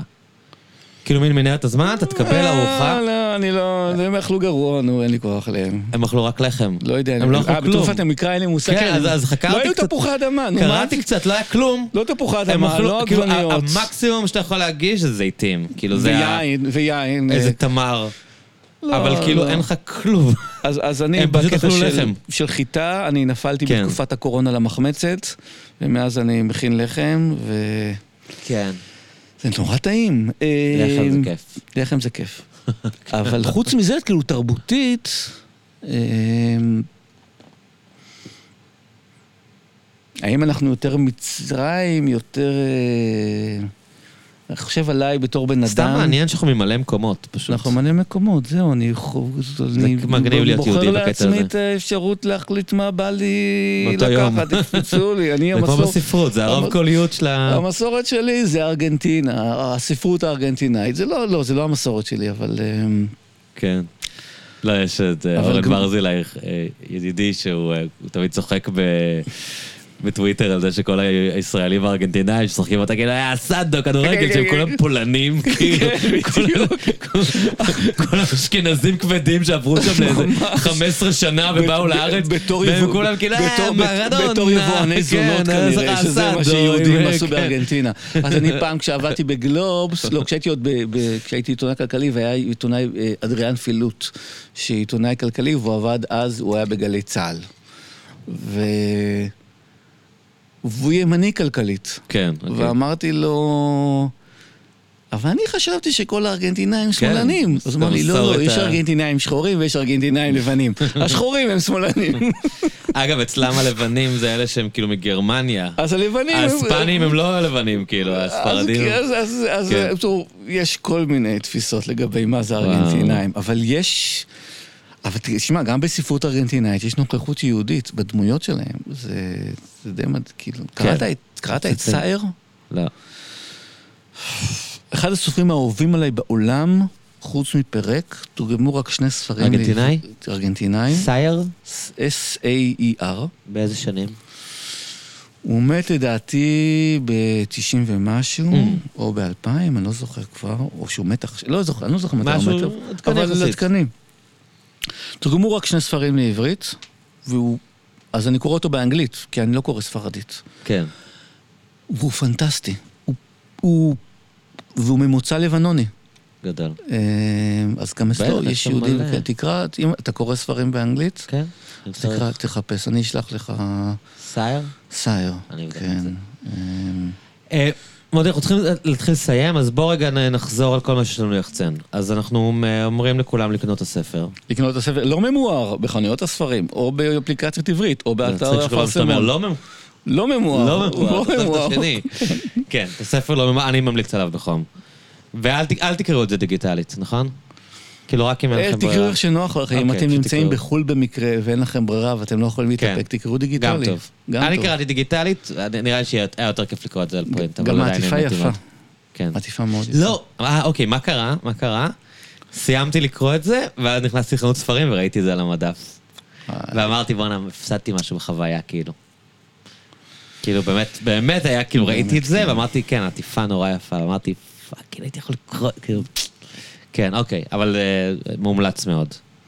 כן. ויש יש דברים בקנה, מה שנקרא, או שאתה עוד לא מוקדם מדי? תראה, יש אה, רומן שאני סיימתי גרסה ראשונה, דראפט ראשון, ועכשיו אני עובר על השוב. ואתה יודע, אבל נורא קשה לכתוב ספרות עכשיו, כן. ולחשוב איך היא צריכה נכון. להתחשב, אם היא צריכה להתחשב במה שקרה, בלי להיות יותר מדי... חייבים שהזמן יתחיל לעבור כבר, כאילו, כן, זה זה נורא, אה, באמת נורא. ואתה יודע, ואירועי השקה וכאלה, אבל... אה, אוקיי, אז אירועי השקה אתה רוצה להזכיר בקצרה? יש בחיפה כן. ביום חמישי, ב-28 בדצמבר במקום לשירה, בשבע וחצי או שמונה, ויש ב... אמ, בעשרה בינואר בבית אריאלה בתל אביב, בעזרת השם, וב-28 בינואר בעזרת השם.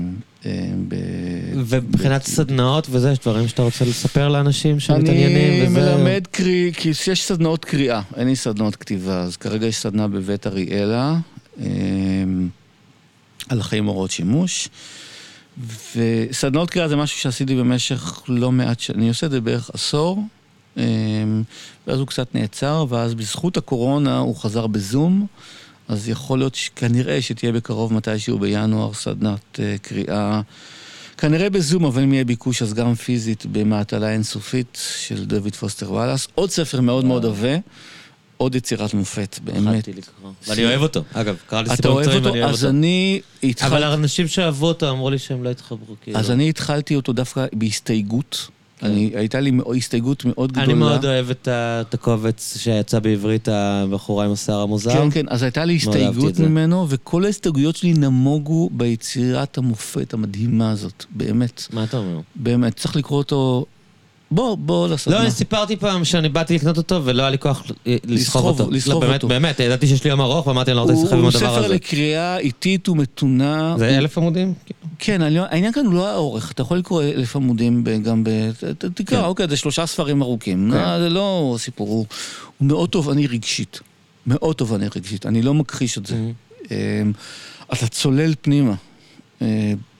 אה, בגדול אני אוהב את הדמות, אני אוהב את האיש, יש לו הרבה סיפורים שאני אוהב. אז, אני- אז, אז זה לקרוא את זה לאט ולא להיבהל, והוא, והוא מדהים. אוקיי. באמת, זה, זו יצירת מופת אה, חשובה. אה, אוקיי, אשכרה. חשובה כזה. ממש ממש. ואם תרצה להצטרף, סדנת הקריאה, יש, מתי אני אעשה לך? מחיר. עוד רגע, לא- עוד- בזום? יהיה בזום כנראה. לא קבענו תאריך עדיין. אם תעשה לי מחיר אז כן. לקראת סוף. רגע. ואפשר לקרוא תוך כדי הסדנה? נגיד אנחנו קוראים... קוראים תוך כדי, אה, סדנות אה, הקריאה, זה כיף. אנחנו קוראים אוקיי, תוך לא כדי הסדנה. לפני. לא, לא, לא, כל לפרק העניין בסדנות הקריאה, לפגש הבא אנחנו תקראו עוד 30 עמודים, עשרה. מפגשים, כל שבועיים קוראים 100 עמודים, 80 עמודים. אוקיי. אז יש לך שבועיים זה איזה לא נורא, כן. ליווי לקריאה. זה מגניב, כי זה זה גם ה- נותן לך מוטיבציה לקרוא. כן. אוקיי. אז אה, I'm sold, תרשום אותי. חברים, תודה שהקשבתם עד עכשיו, תודה. למוטי. תודה, היה אריאל. לי ממש מעניין. ובהצלחה עם כל הפרויקטים. טוב. ביי ביי, תודה עידו. ביי.